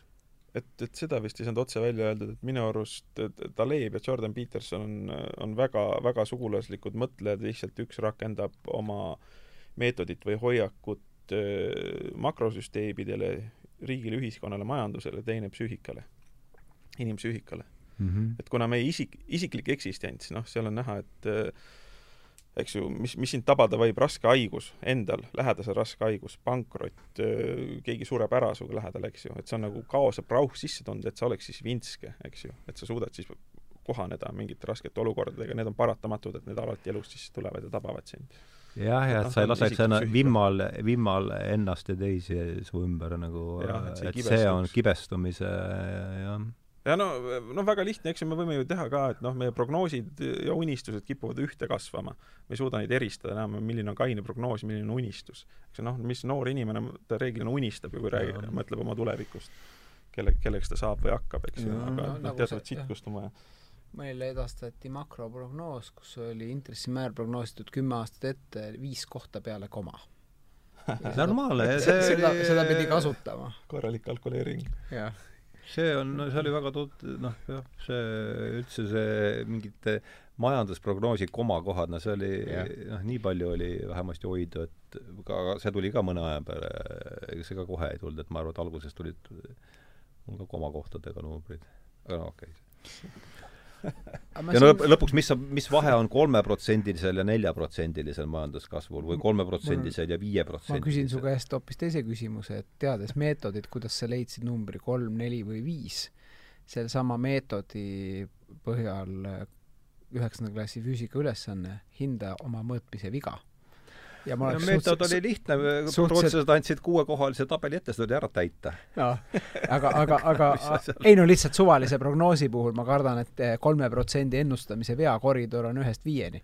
no muidugi see räägib üks eh, noh, kolm protsenti majanduskasv tähendab seda, et noh, business okay. as usual. jah, null on ka enam-vähem business as usual. miinus viisteist on juba noh, see on teine, me ikkagi ilmselt parim, mida me suudame prognoosida, on, mis loos me oleme ja, ja tõenäoliselt miinus viisteist ja pluss kolm on kaks ikkagi, ikkagi juba kaks erinevat lugu. jah, ja pluss viisteist on nähtavasti kolmas. aga, ja, ja, ja üks lugu on veel see, et ei ole ka Statistikaametit, mis seda üldse kirja paneks ja selle kõrval on miinus viisteist veel päris hea number, noh. et selle peale ei mõelda, ei kiputa üldse mõtlema, et, et seda, seda võetakse etteantuna, et kujutan ette, kui on miinus kuuskümmend protsenti, siis ei ole ka enam kedagi, kes seda kirja paneks. seda küll, jah, see siis on et jällegi me võtame mingeid asju niimoodi enesestmõistetavana, mida me ei, ei tohiks teha ja see on noh, ütleme, minu suurim avastus siin jällegi kuidagi hilises eas on kõik need tulnud, olulised avastused. vähemalt on tulnud. vähemalt on tulnud,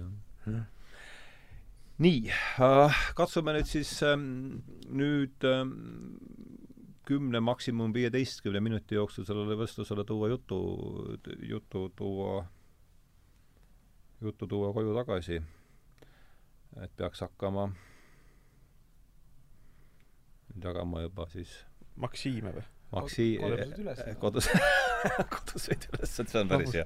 just nimelt, nüüd on siis, hakkame, hakkame jagama koduseid ülesandeid, et mis meid siis teeks kuidagi niimoodi no, sellist, sellisteks, et me iga võnke peale ei laguneks. Ei, no, tege, no, tege, no minu arust siin, siin on üks hea asi on teha oma psüühika sitkemaks ja see on tegelikult hea koht teha reklaami uuele Sheldrake'i raamatule, mis sa just ära tõlkisid. jaa, see on hea, et sa jutu selle peale viisid, ma muidu psüühika löögikindlamaks teha, eks ju, nii-öelda vaim-, vaimsed harjutused ja, ja tegelikult noh, ka see, mida ta ütleb, eks ju, trenni või liikumise kohta, see võib tunduda, eks ju, intellektuaalile naeruväärne, mis me hakkame mingist niisugusest kehalistest asjadest rääkima, aga tegelikult see, see õpetame parem lindu, lindusid lendama. jah,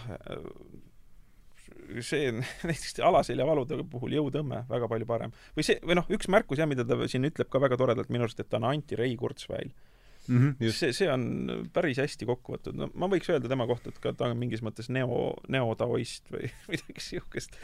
jah. et noh, kui Ray Kurzweil on niisugune noh, utopist, eks ju, kes sööb seal paarsada tabletti päevas ja tahab elada, ma ei tea, vähemalt saja viiekümne aastaseks, kuni tema aju purki pannakse, mis no, jõuab üles laadida ennast kuhugi, jah. jah ja, ja, ja noh ega see on ju olnud kogu aeg meie hingestav püüdlus siin äh, ongi poole, olnud, olla, saada üles laetud kuhugi lõpuks ja siis lõpuks tulla, tulla niimoodi kehasse tagasi, vähemasti kristlikus traditsioonis, eks. jah, no minu arust see, et Jordan Peterson ja Taleb järsku nii palju laineid löövad, on ise ääretult oluline sümptom. ja see näitab, eks ju, et meie kollektiivne mitteteadvus on jälle targem kui meie äh, peavoolu tserebraalne kompanii, kompanii, ütleme siis mõist-, mõistuslased, eks ju, et, et tuntakse ära, et siin on see ravim mingis mm, mõttes, eks ju, intuitiivselt tuntakse ära, et siin on ravim, tuleks saada sitkeks, ma ütleks ka, et see on mingis mõttes vaprusõpetus, eks ju, ole julge, julge komistada, saa vahepeal vastu hambaid, mis siis ikka, käi trennis, tee ennast natuke sitkemaks, eks ju, seda niimoodi kõige laiemas plaanis.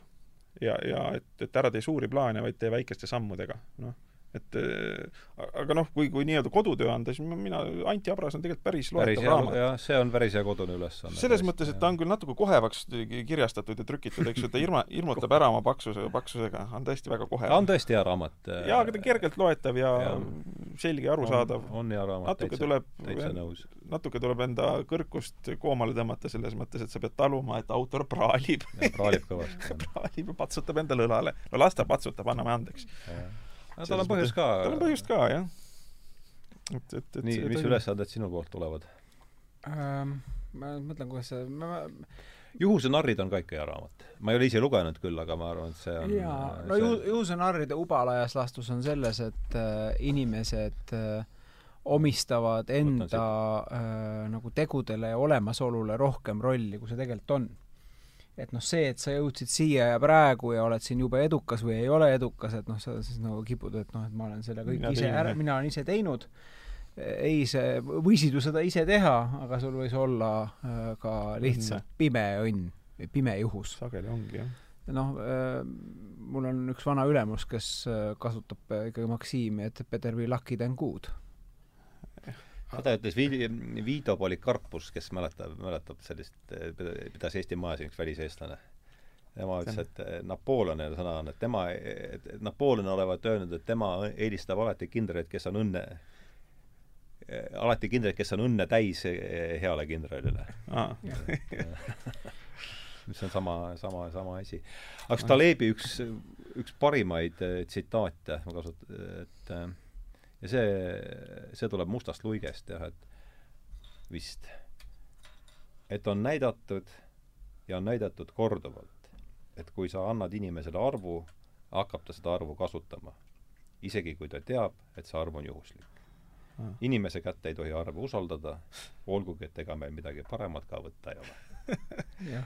Ja see, siin on muidugi natuke ta lõikab nurki, et mitte arv ei ole juhuslik, vaid arvu tootev protsess on juhuslik ja, ja, ja arvus endas ei ole midagi juhuslik, aga minu arust see, et äh, noh, nii palju ma võin äh, enda kasuks öelda, et ma vähemasti oma viimastel aastatel äh, selles tornis üritasin seda mõtlemist kuidagi niimoodi äh, maale tuua, et need veel kord, et kui me vaatame numbrit, majandusprognoosi kolm, siis me tegelikult peame vaatama tõenäosus ja tõenäosusjaotust seal taga, mille keskväärtuseks on kolm, on kolm ja me ei tea seda näot-, kurb lugu on see, et me ei tea selle jaotuse kuju, ja me ei tea ka seda, kas tema dispersioon on äh, piir äh,, on lõplik või lõpmatu arv. just, ja noh, kui me kuju ei tea, siis me ei tea, noh, siis ongi, et no see jah, et, et siin võib öelda küll, et kõhutunne on täpselt samaväärne. ja siin on veel üks teine, ma loodan, et mul ei ole nüüd väga see on John Locke, mis on äh, päris, ma arvan, et ta on päris hästi, samas loos ma kasutasin neid. John Locke, äh, mis minu arust haakub päris hästi siin Talebiga, et seega on Jumal, seega on Jumal seadnud teatud asjad heledasse päevavalgusesse. ta on kinkinud meile kindla teame, teadmise mõnest üksikasjast. ehk üksnes selleks, et anda aimu, milleks me aruka, arukate olevustena võimelised oleme. ja selleks, et äratada meis iha ja tungi jõuda paremale järjele. enamikus asjatoimetustes on ta aga võimaldanud meile vaid nii-öelda tõenäosusliku hämaruse mis arvatavasti ongi kohane sellele käsk-, keskpärasusele ja käpardlikkusele, millesse ta on suvatsenud meid siin asetada. ma arvan, et sellele kirjutaks sellele kirjutaks äh, Taleb tõenäoliselt äh,, tõenäoliselt alla, et äh, ma siis ka peaks lõpetuseks ühe sellise kodumõttetera, et äh, rääkisime siin suht palju äh, bürokraatiast ja, ja, ja noh, sellest, et jõudsime siis äh, mõmisedes nagu suhteliselt äh, nagu üksmeelele, et, et et parem jätta mõni asi re-, reguleerimata, kuid noh, inimestel stimuleerida iseseisvat otsustamist ja mõtlemist, eks ju, noh, mul on siin selles samas essees on paralleelne protsess bürokraatiaga, on ju tegelikult ka äh, Äh, pimesi igasuguse tehnoloogia usaldamine, et noh, tehnoloogia teeb ära meie eest ja noh, me isegi ei peagi enam teadma ja nii edasi, et noh, mina muuseas äh, poisina tinutasin kokku neid NPN transistoreid, et saada sa oled teinud sellist asja, ma ka ema poolt pätsatud selle küünelakiga joonistasin vaskplaadile äh, neid radasid ja siis panin väävelhappesse, siis, siis tekkis trükiplaadid no, mm. -hmm. igast pulli sai tehtud.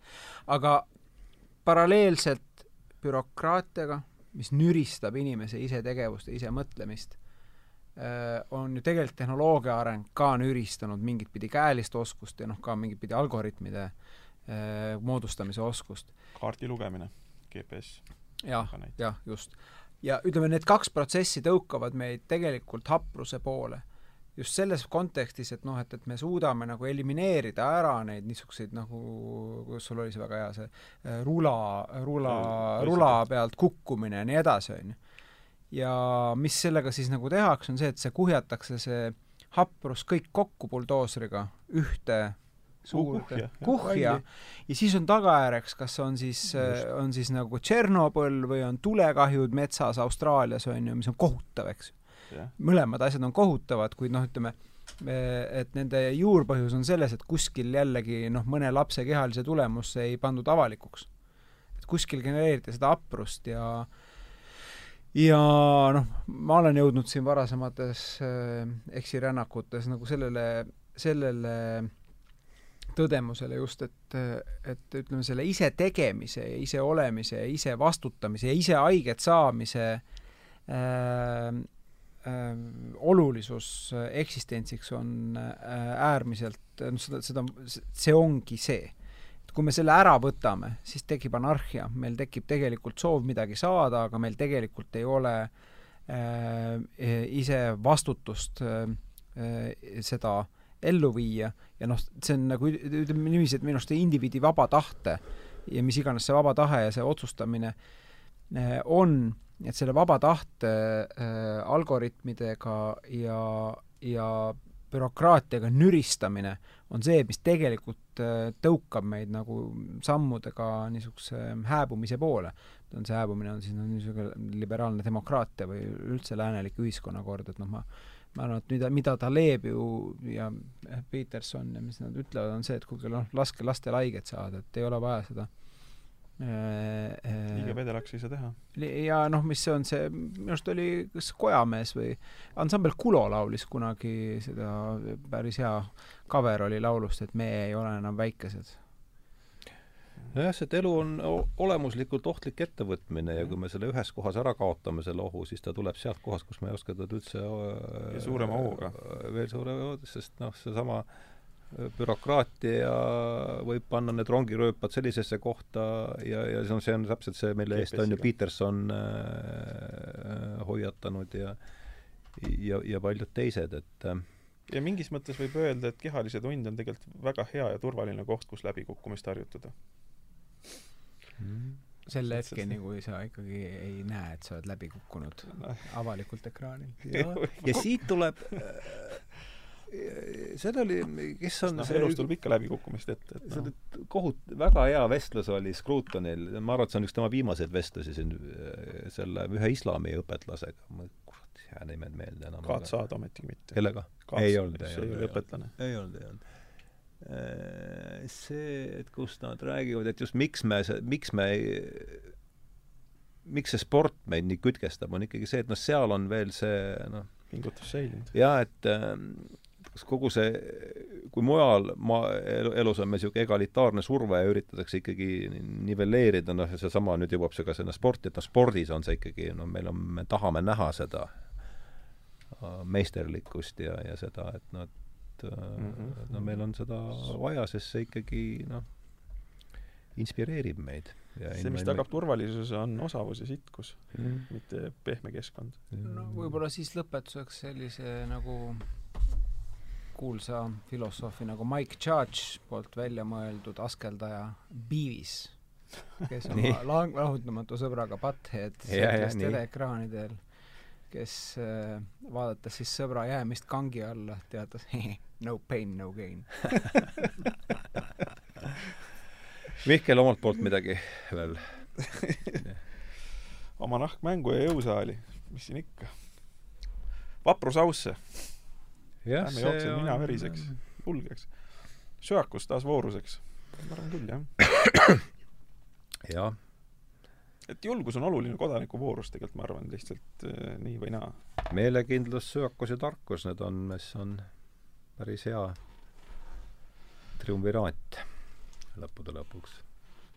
nii, nüüd me oleme küllalt praalinud ja nüüd oleme küll vastu rinda tagunud. ei ole, noh, mis me, jah, noh, jah, et aga tõmbame siis siin, tõmbame siis siin äh, tõesti sellele joone alla, et hakkasime siis, täna oli meil jutuks Taleb. jutt käis siin sinka-vonka, nagu ta ikka on käinud äh,. aga jah, ikkagi jah, seda reformatsiooni asi hakkab mulle järjest rohkem pakkuma, mm, pakkuma huvi ja ma saan ta... aru, et me võtame äh, äh torujoonde ka siis Tšernobõli? jah, selle võiks, äh, see Aleksejevitši raamat on, äh, loe see läbi ja, ja ja siis selle võiks, kui sulle see teema on südamelähedane, siis äh, see on nii kena sümbolnäide ka. see on nii hea ha. just sealsama, kus ta räägib, üks, see on paar asja, mis mul on meelde aga et et see, seesama Tšernobõl seal, need, need inimesed, kes siis seal selles komandopunktis istusid Need läksid koju ja panid hanguga kartuleid maha pärast seal. et see, see sihukene ah,, sihuke, sihukene grotesk seal ja noh, tulemus no, on käes, et meil on hiiglaslik maa-ala, kus ei ole teistel liikidel on hea seal. see on, see on üks väga huvitav asi, kusjuures James Lovelock tahtis viia tuumajäätmed eh, vihmametsadesse, sest huvitav on see, et eks ju inimene on erakordselt vastuvõtlik radioaktsioonile, sest te, kõigil teistel elukatel on elukaared nii lühikesed, et vähk ei jõua väga tekkida. Mm et see tõmbad vihmavetsad tuumajäätmeid täis, siis ülejäänud loodus tšillib seal päris normaalselt, aga inimene sureb maha Tšernobõlis on ka praegu nii läinud, et teistel liikidel pole seal üldse nii hull.